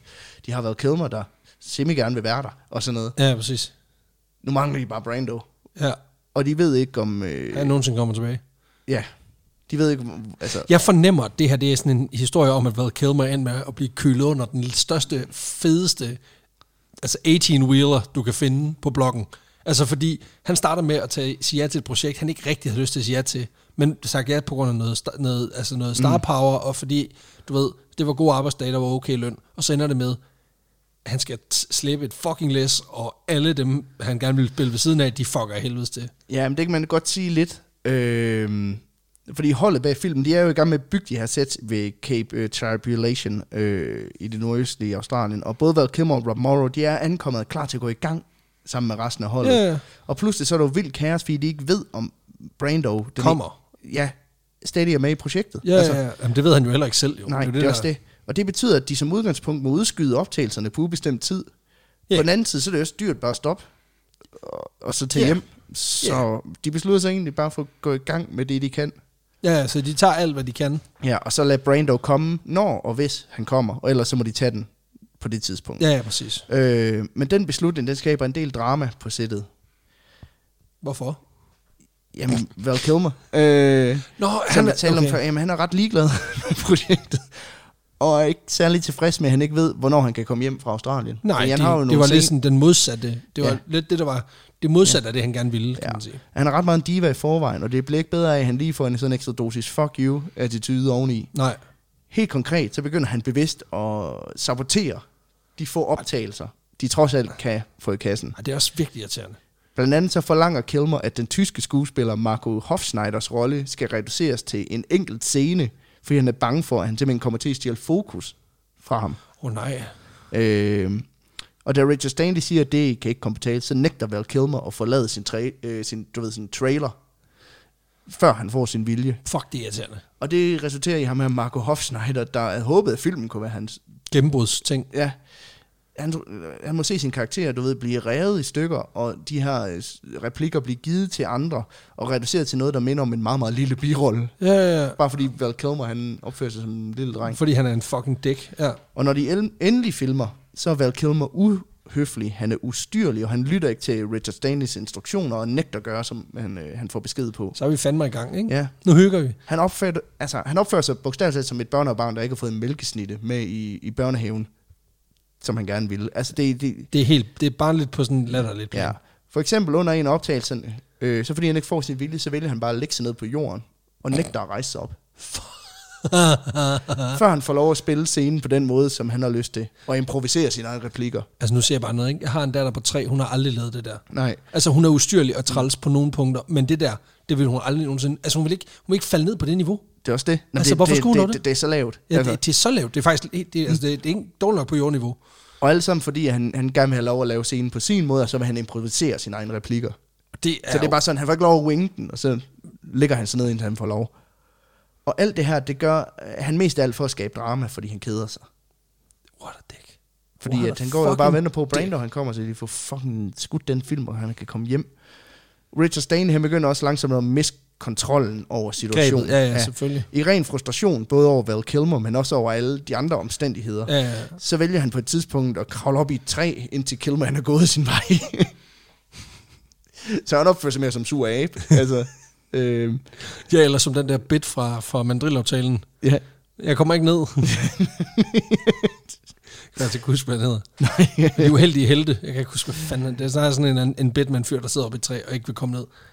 Men øh, ja. ikke desto mindre, det, det, det er også et barnligt træk. Altså, også det. Kæft, hvor de hygger altså, med Men han det. bliver også mere, langsomt mere med paranoid og fjern, øh, Richard Stanley her. Øh, for når han ikke er på sættet, så i, vil han simpelthen at isolere sig i sit lejet hus tæt ved Cape øh, Tribulation, hvor han øh, bruger natterne på at øve replikker med skuespillerne og forsøge at få noget retning på, på det her fucking projekt. Ja, men konstant bliver han igen undermineret af Val Kilmer, der bare vil gøre tingene på sin måde. Han er virkelig irriterende ved Kilmer. Han er virkelig irriterende. Er det en overraskelse? Nej, ja, fordi jeg, nu kender jeg ikke... Altså, du er mere filmnørd end jeg er, men, men jeg har ikke noget indtryk af Val Kilmer, men han lyder da som en kæmpe dæk.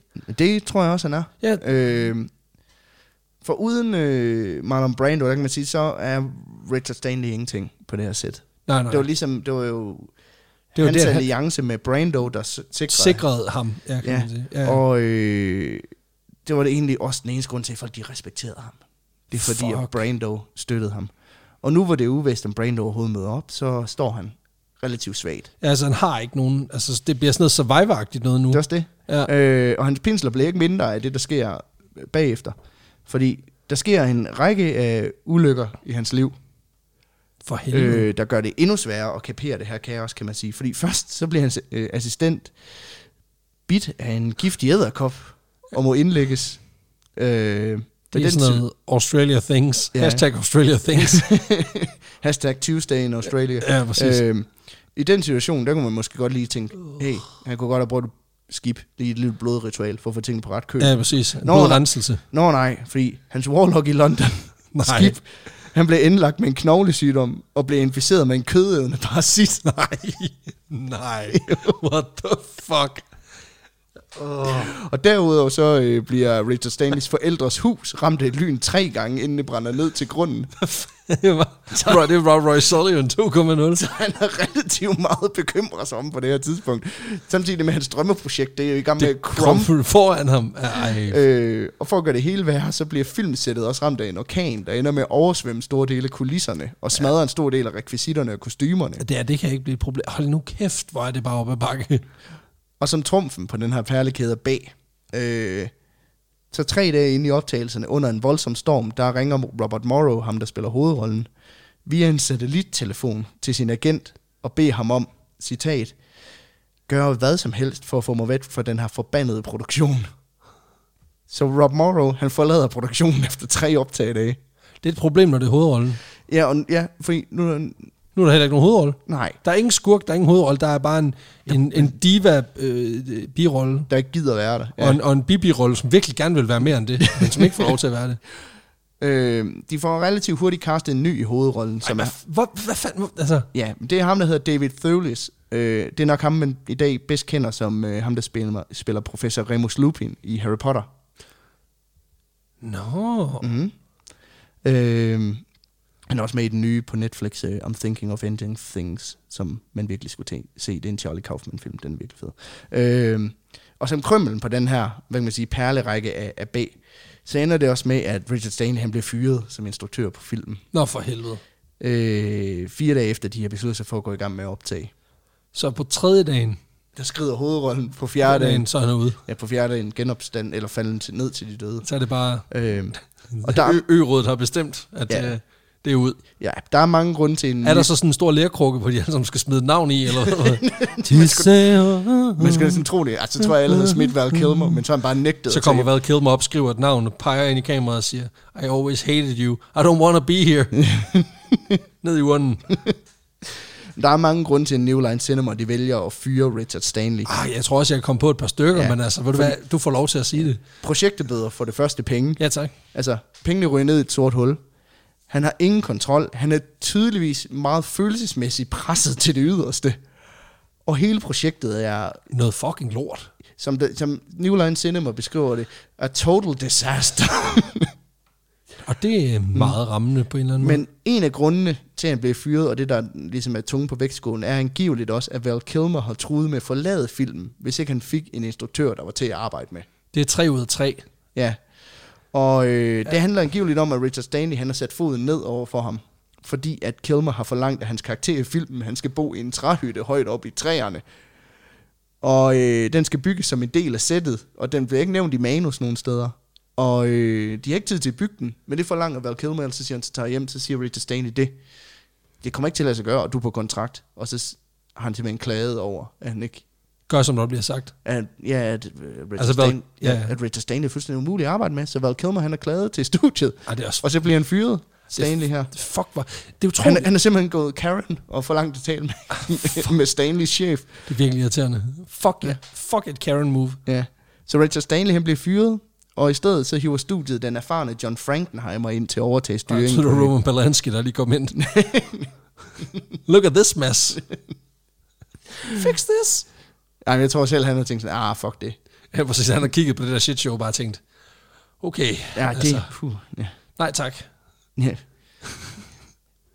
Nå, man, er sp- man har bare heller ikke lyst til at tage til Australien, når ens personlige assistent, altså den person, der står klinet op af dig, bliver bidt af en giftig æderkop. Nej, Altså, det gør, det gør lidt for paranoiaen, det er, jeg- det er jeg Men jeg, vil også fuldstændig sige, enig med. det, jeg, jeg synes, det er, det er pudsigt, at hans held løber ud, samtidig med, at hans øh, Warlock. ly- lykke Warlock bliver indlagt på sygehuset. Jeg siger det bare. Du bliver angrebet af en kødende parasit. For helvede. Stakkels mand. Ja. Med ham her, John Frankenheimer, som bliver hans erstatning, han er kendt for at være god til besværlige skuespillere, og dem er der nok af på den her øh, Jeg skulle lige til produktion. at sige, altså heldigvis så en af dem er stadigvæk på Tahiti, så ja, Ja, ja. ja. det hjælper selvfølgelig på det. Øh, men han har også brug for en succes, fordi hans karriere har taget et dyk efter, at han har lavet en række flop. Nå, Så, øh, så der, han har ligesom brug for noget. noget Vendiction. Ja, og der tænker de, det her projekt, der allerede er halvdruk- Kuldsejlet. halvdruknet, det, Tag den. Ja, ja. Så går kaptajnen ned med det, men kaptajnen han var allerede sunket i forvejen. præcis. Så fuck det.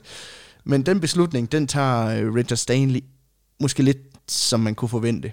Han er ikke helt på linje, er han det? Nej, han, altså, han går fucking amok over at blive skrottet fra det her projekt. Nå, for helvede.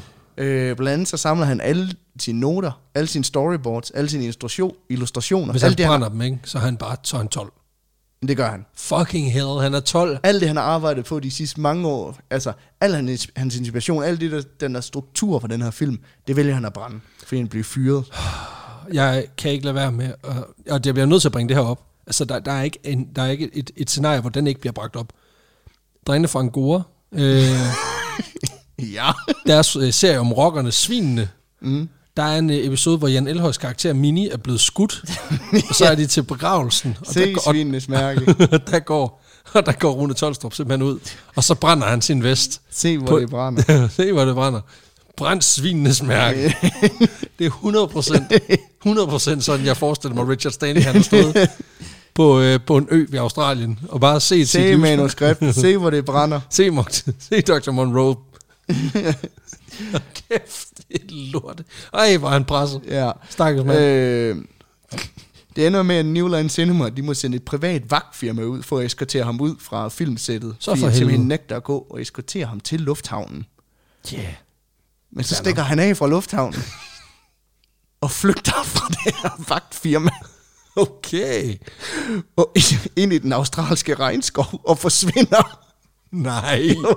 Nej. Altså, som i... For, for, hvor, hvor, hvor meget forsvinder? Altså, han kommer tilbage, men altså... nå, okay. Han, jeg har ikke set ham siden. Det ville være så Men sindssygt. altså, vi kommer lige tilbage til ham. Kort. Øh, Ja. Nej, ja, han, er simpelthen, han er simpelthen gået sporløst un, under, under, altså under buschen. Ja, han simpelthen, simpelthen under jorden. han er simpelthen under jorden. Men det Shit. begynder at se lyst ud. Produktionen kan for alvor gå i gang med Frankenheimer ved roret. Og, fordi han formår faktisk at få kuget Val Kilmer en lille smule, så han endelig begynder at passe sit fucking arbejde. Og hvad der er endnu federe er, Marlon Brando, Ja, tak, han kommer tilbage. han kommer tilbage, han kommer til Australien, hans datter er blevet begravet, han er overstået sin sørgeperiode, og nu er det tid til at komme i gang med at arbejde. Ja, tak. Han har også brug for penge. Øhm, men det betyder også, at Frankenheimer, han er godt nok for styr på Val Kilmer, men så står Marlon Brando klar til at overtage de ja, ja, der præcis. rollen, ikke? Ja, ja, sassy bitch. Nu ja. Ja. kører vi. Så han har byttet en besværlig skuespiller ud med en anden. Ja, og han kan jo så ikke tækkes på samme måde, fordi at, at Stanley han er pisset ind i junglen, ikke? Ja, ja, det er også det. Ham, der havde tag på ham. Ja, ja, Øh. og Ham, man, der havde en warlock-pagt med ham. det er også det. Og så en typisk arbejdsdag, den kommer til at se sådan her ud. Klokken 9, Jeg bliver træt allerede nu. klokken 9 eller deromkring, oftest en halv time senere end planlagt, der ankommer Marlon Brando til filmsættet, hvor han som det første begiver sig mod sin trailer med ham her Frankenheimer i hælene. De to, de diskuterer så filmen ansigt til ansigt, bare de to, indtil omkring sådan middagstid.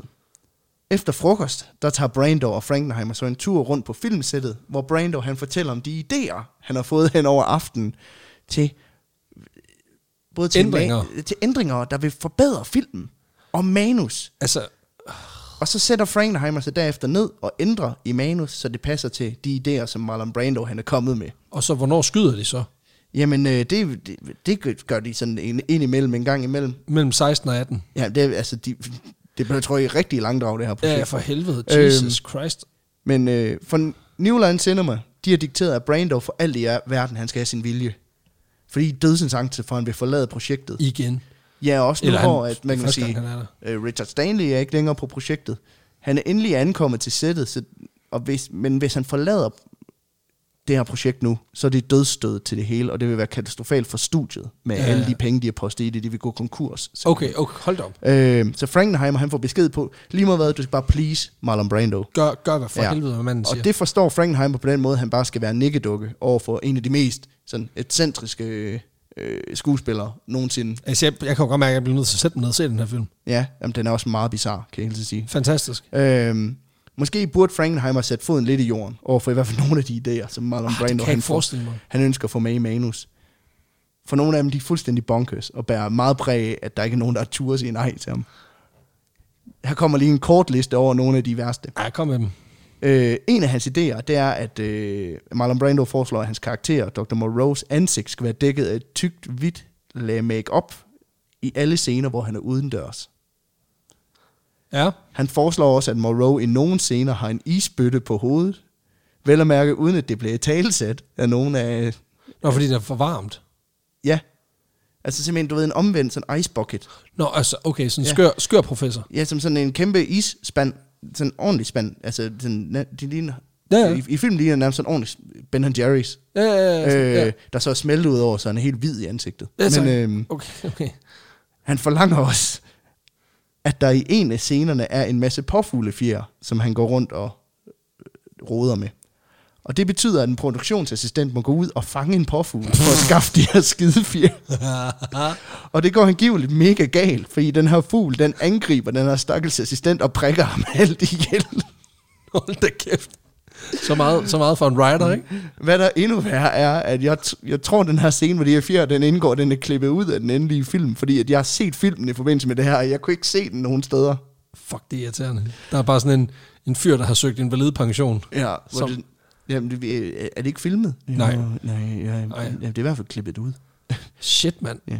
Derudover, og det her det er måske den mest bizarre, så er Marlon Brando på det her tidspunkt meget besat af en fyr, der hedder Nelson de la Rosa. Ja.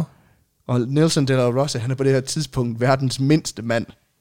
Han er 71 cm høj Fuck, var det irriterende. øh, i en alder af 27. Altså, det, det, er det, jo ikke, det er jo ikke for ham, at det, er jo ikke, altså, det, Jo, er bedre, det det er, det, er- er det jeg tror nok det. også, men, men det er museben. Øhm, så, he skipped leg day.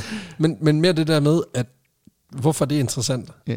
Men det er fordi, ham er Marlon Brando meget fascineret af. Ja, Ja, det og er jeg ved det. ikke, hvad det er, præcis er, der fascinerer ham. Men jeg tænker, det er sådan noget med, kan man være så bedre? Ja, præcis. øh, Det tror jeg er en meget basal fascination. Ja. men ham forlanger Brando, at han skal være med i filmen som en form for mini-me til Dr. Moreau. Og hvad keder mig for at så sparket som assistent, så må, så må du spille kirurgen. Altså, Ja. Jamen, han bliver castet i rollen som Marjai, der er en karakter, der udelukkende er opfundet til filmen for at opfylde det her krav. fuck, det er irriterende. Og det eneste, som han gør i den her film, det er at gå rundt i røven på Dr. Moreau, som sådan en lille form for klon. Ja, Øh, han har ikke rigtig nogen replikker. Der er ikke rigtig nogen, der taler om ham eller til ham. men han er der. Der er heller ikke nogen, der rigtig sådan nævner i filmen sådan, hey, Dr. Man, hvorfor har du sådan en bedt splejs med? Altså, det, han, han, han, er der bare, ja. Han kunne lige så godt ikke have været med. Ja. Øhm. Øhm. Nej, det kunne han ikke, fordi nej. så var... Nej, fordi det forlanger Brando. Men præcis. Øhm, det går så vidt, at i en scene, hvor Brando han skal spille flyl, så forlanger Marlon Brando, at De La Rosa også skal spille på et miniflyl, som står oven på flylet. Og nu som prøver... sådan en Nu, form for metaflyl. nu, siger, nu siger han bare ting.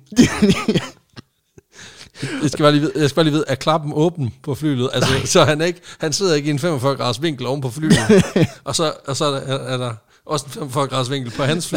men, det, men det kan være, at vi lige skal se, hvordan Marlon Brando han ser ud i den her film. Ja tak. Har du billedet af manden? Ja, prøv at se. Hold kæft, en karakter. Fuck, det ser vildt ud, det der. altså, han er helt... Øh, han er helt, Helt hvid. væk, Helt væk. Og så har han, så har han gasebind rundt om, Ja, ja. om hovedet, altså den forkerte vej. ja, ja, det, så det, ser fra helt hage fucked til, ud. til hovedet og rundt. En af Brandos idéer, som Frankenheimer han dog afviser, det er... Så han kunne godt sige nej.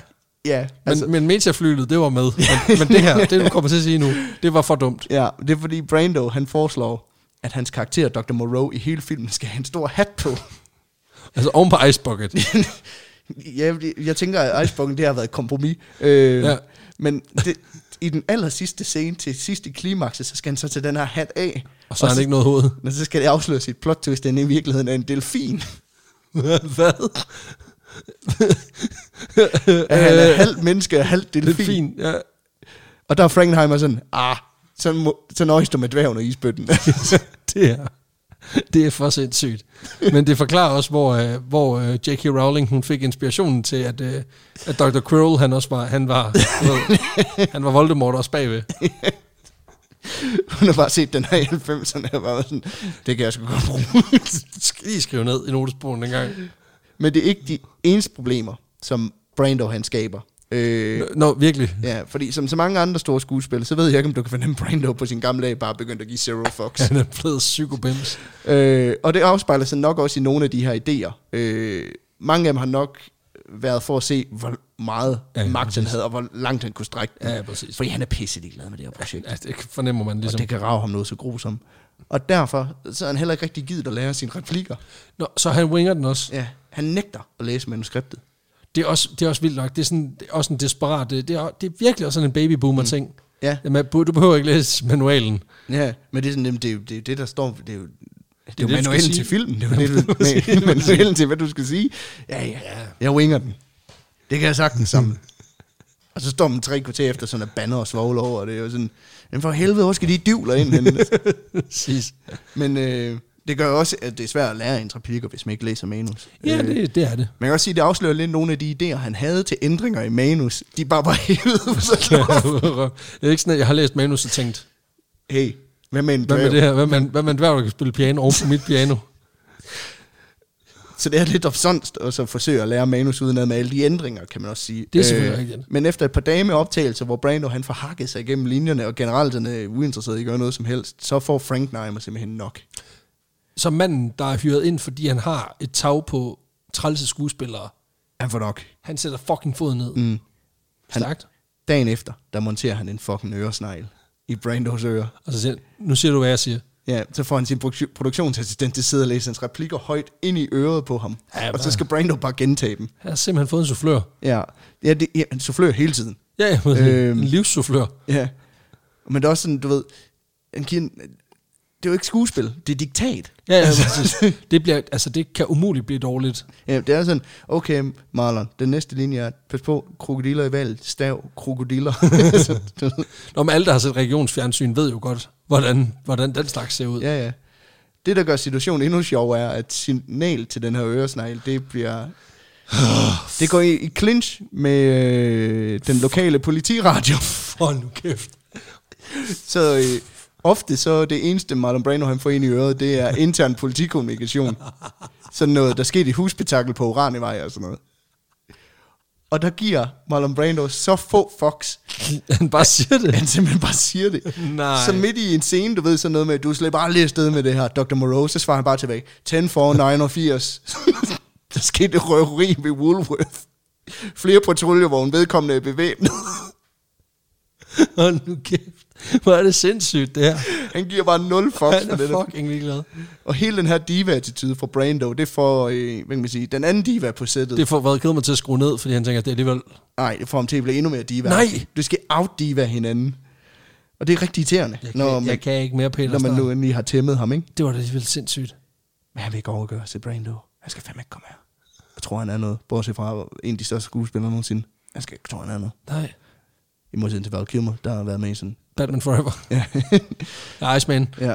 Øh, han vil ikke overgøre sig Brando, og derfor så er der simpelthen dage, hvor Val Kilmer han begynder at nægte at komme ud af sin trailer. Før, Igen? ja, før Brando han kommer ud af sin trailer. han vil ikke være ham, der kommer først ud. Hold kæft, hvor er det dumt. Ja. Til gengæld så øh, svarer Brando tilbage med, at han kommer heller ikke ud af sin trailer, når Val Kilmer han gør det.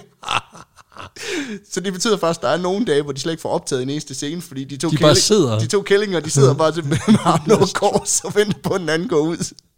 Hold kæft, hvor er det dumt, det her. Det medfører også en masse ventetid for, No shit. for, for især statisterne og Så der andre. sidder en 71 cm høj mand og bare venter på at få lov til at spille fly. Han har øvet sig så ja, meget. præcis. Øhm, men de sidder bare og venter på den her Battle of the Bitches, den er færdig. ikke? Fuck, det er sindssygt, det der. Hvad, hvad fanden foregår der? Jamen, de her mennesker, de går bare rundt, og så du ved, iført deres åndssvage dyrekostymer og røvkeder sig. Så flere af dem, de begynder simpelthen bare at drikke og ryge bong. For at andet give sig til. Og Ah, det betyder jo også, at så hvis Kilmer og Brando endelig kommer ud af deres trailer, så vælter alle statisterne rundt, som dem det er fjerde dag på Roskilde Festival. Ej, hvor er det dumt, mand. Fordi de Så sidder er jo- bare sådan halv okse, halv mand, han har siddet og suget spand. Hvor er det dumt, mand. Og så drukket to fla- øh, flasker whisky oveni. Nej, hvor er det Ja. sindssygt. Øh, Så der er nok at se til for instruktøren Frank Neimer og New Line Fuck. Cinema. Jeg er så bange for, at vores, vores gode ven Richard Stanley, han gør et voldsomt comeback, lige om lidt. Han kommer ud af bussen. Det, Det, det, det fortæller du mig ikke, at det, er det, det, det er ikke det næste, der står i det manus, der er det. Man det. kan sige, at øh, Nej. Frank Neimer Nej. og New Line Cinema, de er relativt meget at tænke på. Nej. Så de har glemt deres fjende nummer Nej. et. Richard Nej. Stanley. Du stopper nu. For Richard Stanley, han flygtede ind i den australske bush, efter han blev fyret fra produktionen. Hold nu kæft. Og her har, har han, ifølge ham selv i hvert fald, så boet i to måneder under et væltet træ sammen med en dingo og dens to valpe.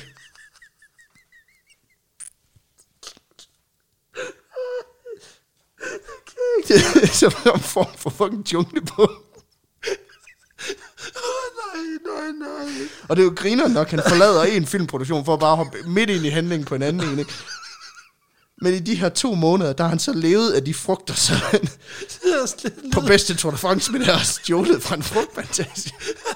Han har spist skovens frugter og, og hygget med skovens ting. Hold nu Han har kæft. stjålet frugter fra en frugtplantage i nærheden. Kokosnødder, James, det er sådan en rødfrugt. Ja, ja, ja. Og så cassava-planter. De skal koges, ellers så bliver du syg af at spise dem. Jamen, det er... det er sådan, Han er fucking ligeglad. Øh, Han er ikke den eneste på, oh, og, der ja. ikke giver og en så har fuck. han selvfølgelig også, øh, du ved, fordrevet tiden med sit kæmpe lager af marihuana. Så han er også suget bongen. Fordi det er det eneste, han har taget med i rygsækken, det er sit kæmpe lager af weed. Det kan jeg ikke mere, Peter. Jeg, jeg, jeg er færdig nu. Det, jeg, tr- det, Øh, så Ja, han har hold nu. siddet... Han har siddet i junglen i to måneder og drukket kokosmælk og røget fede med to dingoer. Og det lyder som noget, der bare slet ikke er sket. Øh, jeg tænker, at han i virkeligheden har været så skæv. Han, han har været der... han har fundet på to dænker. han har virkelig været med inde og se øh, øh, Junglebogen 28 gange. Præcis.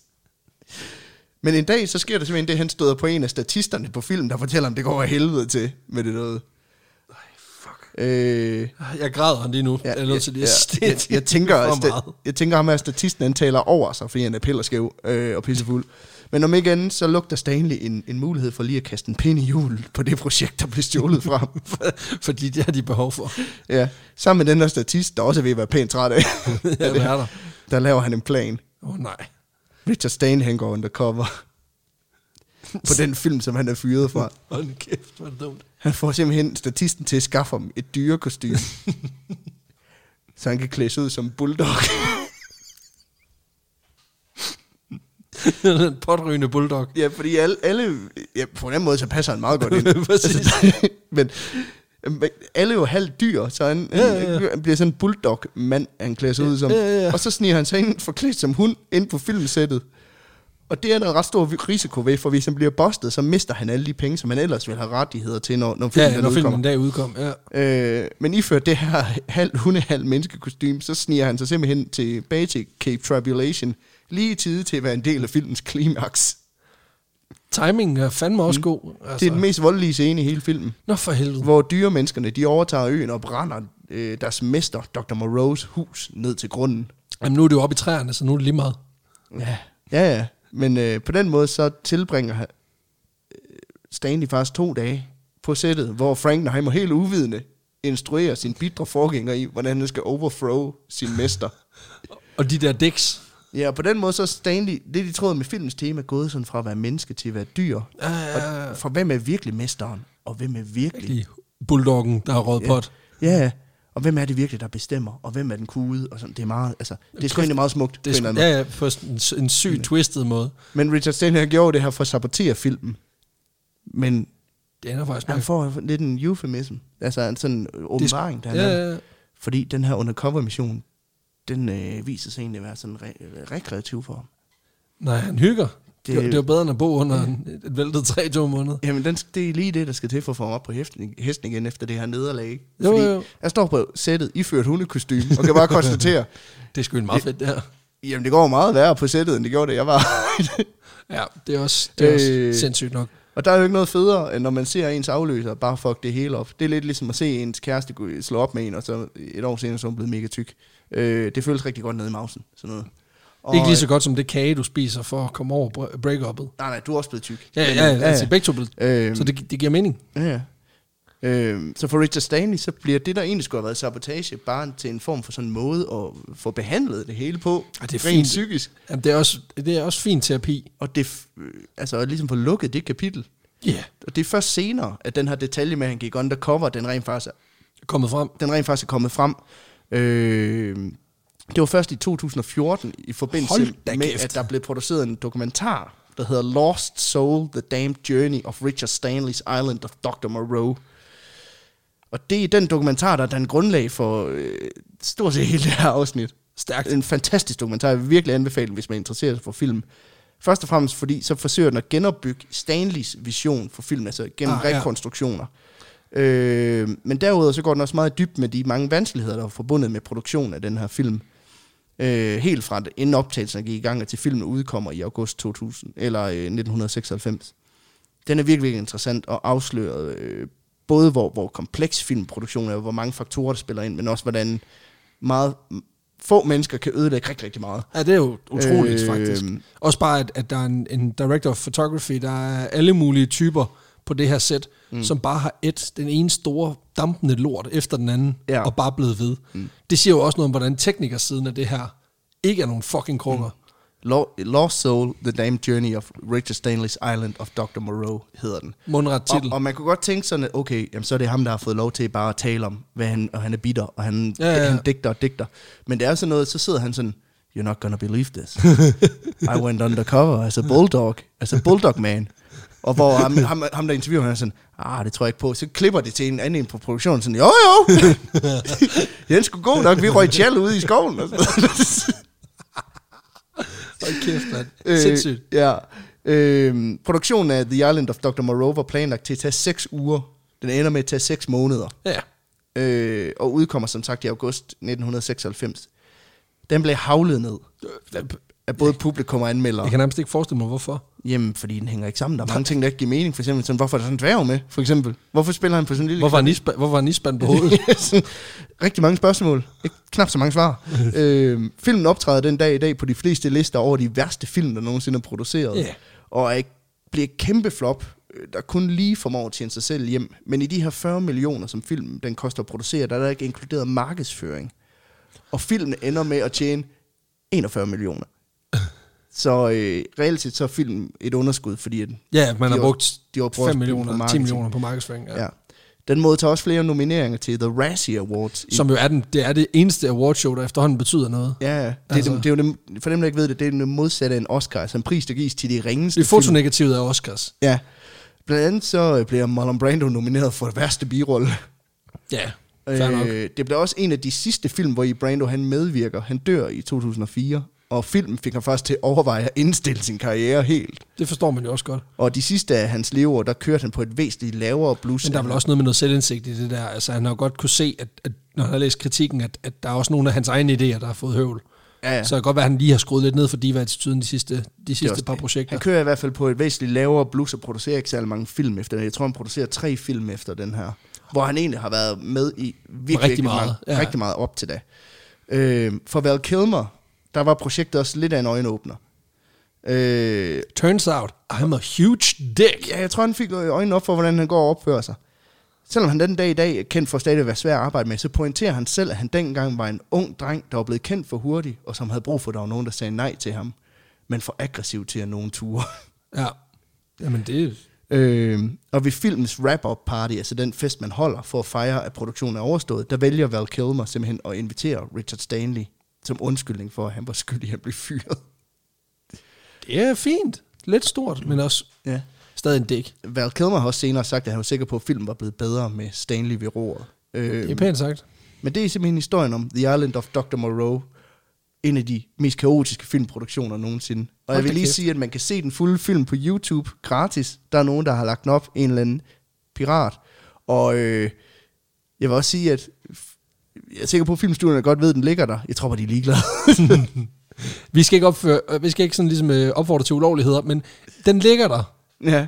Det er en konstatering. Og de har ikke givet Den er at ikke fi- blevet pillet ned De nu. har ikke givet at fjerne. den. Så gå ind og se den, hvis man... Den, altså, den, den er ikke værd at se, fordi den er ikke engang så god, eller så dårlig, den er god. Den er bare dårlig. ja, ja. Den er bare rigtig Ej, dårlig. Jeg har halvanden time at spille i morgen, så det er fint. Øh, men jeg kan faktisk også sige, at det her afsnit, det var længere end filmen, for den var kun 96 minutter. Ja, det har vi slået nu, fordi vi er på en, med- en time og 40. Så, øh, ja, ja. men, men igen, det var også det hele værd. Men øh, Hold da kæft, Peter. jeg kan så hele tiden sige, at Richard Stanleys filmkarriere, den, øh, den er kommet i gang igen. Han har lavet sin første film siden han, den her, altså øh, sin første featurefilm, den lavede, udgav han i år, tror jeg, og det er en, øh, den er baseret på H.P. Lovecraft, og har, hedder sådan noget The Okay. Colors of et eller andet. Okay. Øh, men den har Nicolas Cage i hovedrollen, faktisk en rigtig god film. Jeg skulle lige til at sige, sådan en, en Lovecraft-historie er vel ikke, det er ikke sådan en 2020-ting. Er, det ikke, er han, var han, var han ikke ret sådan en antisemit-type? Jo, jo, det kan man sige. Ja, og det gør man. Øhm, men, men ikke desto mindre. Fantastisk, han han er kommet i gang igen. Det tog så kun 20 år at komme ja, Ja, ja. ja. sig over det her. Selvom, at, øh, selvom øh, fire dage i et bulldog-kostyme kan gøre meget. Hvis du lige kan få lov til at suge noget spand sammen med en, der, der er halvt delfin, halvt menneske. Men det, det er simpelthen historien om, om måske den mest kaotiske filmproduktion nogensinde. The Island of Dr. Moreau. Tusind tak, Peter. Det Hold var da så kæft, en fucking øh, koloss af en, af en historie, men ikke desto mindre vildt interessant. Og det er bare fedt, når vi også laver sådan nogle historier. Det synes jeg er fedt. Vi skal have den på vandhedsbarometeret. Det skal vi. Det skal vi, og altså, vi kan lige så godt bare starte. Altså, det, vi har jo, hvad kan man sige... Øh, Vildskab. Altså, vildskab, LOL Factor. LOL. lol-faktor, øh, Uniqueness. uniqueness indflydelse og extra spice. Extra spiced. Så vi starter med vildskab. Altså, hvor vild er historien? Må jeg, skal jeg starte, fordi Det må du godt. Ligesom er den. Altså, de er på et, et sæt er jo ikke sindssygt, men der er, der er nogle enkelte episoder i den her, som gør, at den ligger lige på borderline mellem 7 og 8, og fordi at jeg er i godt humør, og fordi du for første gang får mig til at græde og grine, så er det en 8 for mig. Jamen, det, øh, det kan jeg godt gå med til. Og det er det samme, det er det samme med, med LOL-faktor. Ved du hvad, det er nok det afsnit, jeg har grinet. Altså, ikke mest af, men, men sådan mest intenst. Så det er en, øh, det er en nier for mig.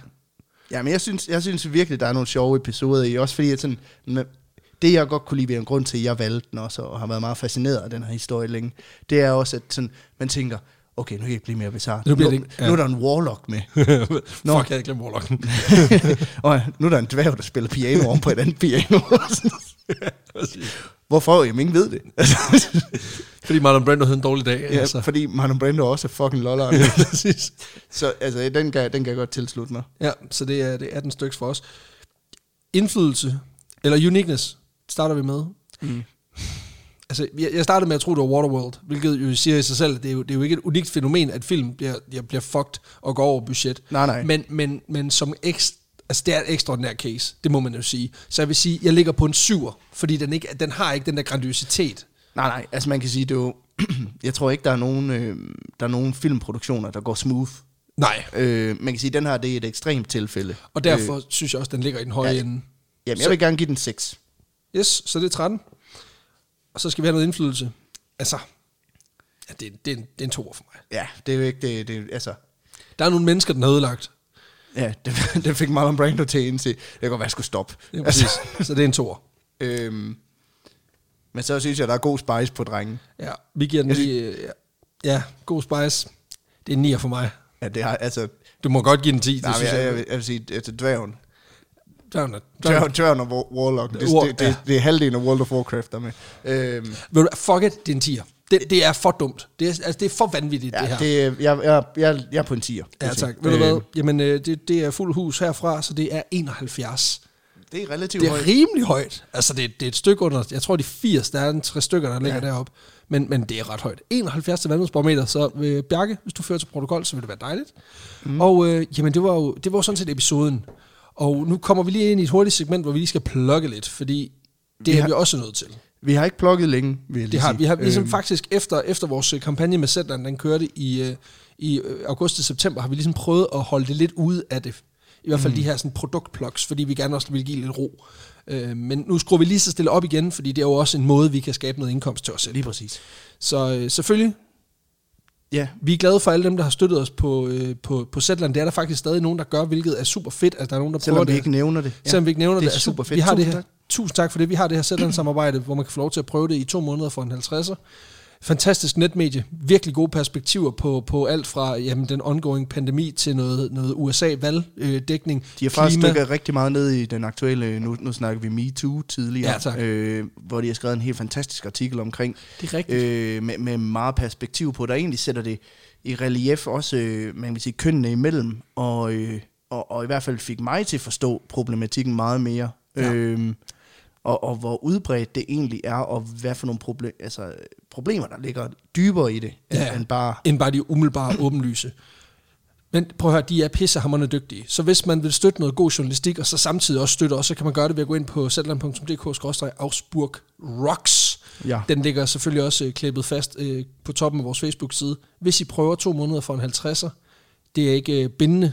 De spørger jer faktisk rigtig pænt, når I er færdige med de to måneder, om I har lyst til at fortsætte. Mhm. Mm. Øhm, men hvis I gør det, så sender de simpelthen 200 kroner til os, hvilket ja. er øh, en, en, altså det har været en kæmpe stor støtte igennem 2020 for os. Ja, Øh, hvor det har været lidt svingende med, med indtægter og så Øhm, på, videre. på det Der har faste det været- jobs. Det, har, det, har, det er sådan, det er, og og det er også helt okay.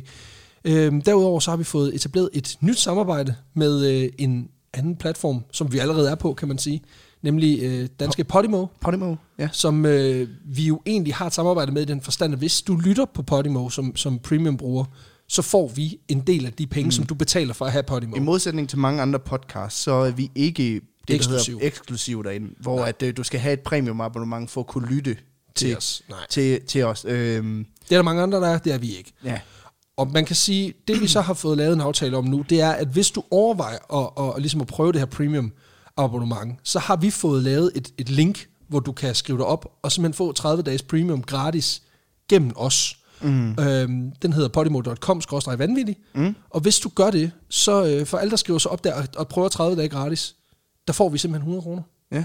af, Der af er, Podimo. og der er virkelig mange gode podcasts derinde, der Det er der. Altså, jeg lytter selv. Jeg bruger det selv øh, primært til Dårligdommerne, som jo er en, en anden podcast, som er virkelig, virkelig grineren. Mm. Mhm. Og så øh, Vigmaskinen, som er øh, komiker Morten Vigmans øh, hvad man siger, sådan en podcast, hvor han sidder og udvikler comedy-materiale Mhm. mm. sammen med to po- komikere, hver, øh, jeg tror det er en gang om ugen. Det er virkelig, virkelig godt, fordi det giver sådan et indblik i maskinrummet i forhold til, hvordan virker jokes, Ja. og hvordan skriver man dem. Den, øh, Det, det er super fedt. Så det er en super fed service også. Hvis, hvis I overvejer og er glad for podcast, så, så er det jo oplagt for, Det er en god måde at for støtte jer på. og, og, og, og, tænke, og prøve det, det, og Det- se om det er noget for jer. Lige præcis. Og det er også en, det er en god måde at støtte Mm. øh, os på, kan man sige. Og så får I 100 kroner, hvis I altså følger øh, podimo.com-vanvittig. vanvittig. Og jeg vil sige, og det er ikke fordi, at, det skal, at jeg skal til at bruge min, mit, mit, mit barn som argument, men det er endnu vigtigere nu end nogensinde før, fordi til april, der bliver jeg far igen. Nej! Jo, og ved du hvad, jeg har vidst det her i tre uger, jeg har ikke ville turde sige noget til dig, fordi jeg vil break det i podcasten. Fedt. Jeg bliver simpelthen far Tillykke til, med til det. april. Tusind tak. Så øh, nu er der et barn mere, der skal have en ny cykel. Så øh, kom on, ind og Kar- støt. Gå ind på 10.dk. Øh, der, er- der skal noget i skrutten. Hashtag no pressure. øh, men øh, jeg synes bare, jeg har simpelthen holdt på det, og jeg overvejede at sige det til Mm. øh, vores liveshow i Aarhus, men der havde vi ikke været til, til 12 ugers scanning, så vi ville ikke sige noget. Så, øh, men øh, yes, jeg skal simpelthen være far igen. Ej, hvor Jeg fedt. ved ikke, om det bliver dreng eller pige, men ikke desto mindre, så, øh, så er der endnu mere grund til at, at, lave, Mm. at lave noget podcast. Jeg vil så hilse at sige, at jeg har ikke nogen børn. Jeg har bare en kæreste, der skal fodres en gang Jamen, imellem. lige præcis. Men øh, ellers så tusind tak til alle, der støtter os på, på tier, alle andre steder, og alt. skrive anmeldelser ind i iTunes. Øh, Mm. I det hele taget støtter, bliv ved med at sende beskeder og gode forslag til nye historier. Mm. Det er pissefedt. Ja, Og, og vi, det- vi holder så meget af jer for det. Altså, Tusind altså. tak til alle, der har købt billetter til vores live show, selvom tiderne er lidt usikre. Us- usikre. Altså, vi har måttet, øh, vi laver øh, et live show i Odense her den 31. på lørdag. To shows er det jo så. Ja, to shows er det jo så blevet til, fordi vi lige pludselig ikke kunne lave den afstand, det krævede mellem publikum, så var vi nødt til at dele showet op i to. Ja. Øh, der er stadigvæk lidt billetter tilbage, hvis man er interesseret i, i det. Øh, Men det er lidt, så det, Ja. ja. det er fint. Altså, nu håber vi bare lige på, at øh, Mette Mor, hun lige holder den i, mm. jeg skulle lige sige, holder den i buksen indtil, ja. i hvert fald indtil den 31. Ja, den andre Socialdemokratiet, der er problemer med. lige Nå, præcis. øhm, men, men ikke desto mindre, hvis, altså, hvis det bliver aflyst, så bliver det selvfølgelig aflyst, og det er jo også, det er jo sådan, det er jo naturen, der er lige i øjeblikket. Mm. Men, men ikke desto mindre, så tror jeg bare, vi vil opfordre til, køb nu billetterne, for I skal nok blive, altså, jeg er 99% sikker på, at folk bliver refunderet, hvis ikke Det gør ikke de. aflyst. Det gør så, de helt sikkert. Så, så, så, Øhm, så, så der, der så, er hvis, ikke så nogen, hvis I gerne vil afsted, men er usikre på det, så øh, lige præcis. Så, better så, safe than sorry, kan man sige. lige præcis. Ellers så laver vi et show i, i, Aalborg? i Aalborg den 15. 15.. 15. Der er ikke særlig mange billetter tilbage heller. Nej. Og så laver vi et på Bremen. teater den 19. december, og der er stadigvæk en del billetter. Faktisk overraskende få i forhold til, hvad jeg havde tænkt. Mm. Hvor- Cirka 100 tilbage. Mm. Så, Så, altså, vi øh, har solgt 250 ud af de 350, der er til salg, mm. hvilket jeg synes er rimelig sindssygt. Det synes så, jeg. så det er super fedt. Så, Så øh, det, hå- vi håber, vi kan få lov at afvikle dem alle sammen, for vi vil virkelig, virkelig gerne ud og se jer. Og vi vil virkelig gerne ud og møde jer og, og se Prøv at jer. høre, det, er det, det, det er det fedeste. Og det, er- ja, for os er det også en kæmpe oplevelse, og det har vi også indtryk af, det er for jer. Ja, for så, så, helvede, mand. Øh, Så kom ud og kig. Så vi håber virkelig, vi- at det kan lykkes, øh, dog inden for de restriktioner, der nu er. Og Selvfølgelig. dem prøver vi at overholde, og det går nogle gange lidt ud over, for eksempel må vi ikke holde de her meet and greets, som vi har gjort tidligere, Nej. øh, efter showsene, hvor vi hilser på jer. Men øh, Det vigtigste er, og det er meget vigtigt at understrege, det er selvfølgelig jeres sikkerhed og jeres tryghed. Fordi det andet der, det skal nok komme på et tidspunkt. Mm. Det, er vi ikke, det er vi ikke i tvivl om. Men, men det er jo også bare, fordi vi sidder jo også bare og tripper, og vil jo gerne, når vi har arrangeret de her ting, ud og se jer. Og mm. det, det, det skal der ikke have og vi tvivl om. ved også, der er rigtig mange derude, der higer efter at komme ind og se et eller andet. Ja, Så, lige øh, præcis. Så, og der, der vil vi gerne være, være nogen, ja. der fylder hullet.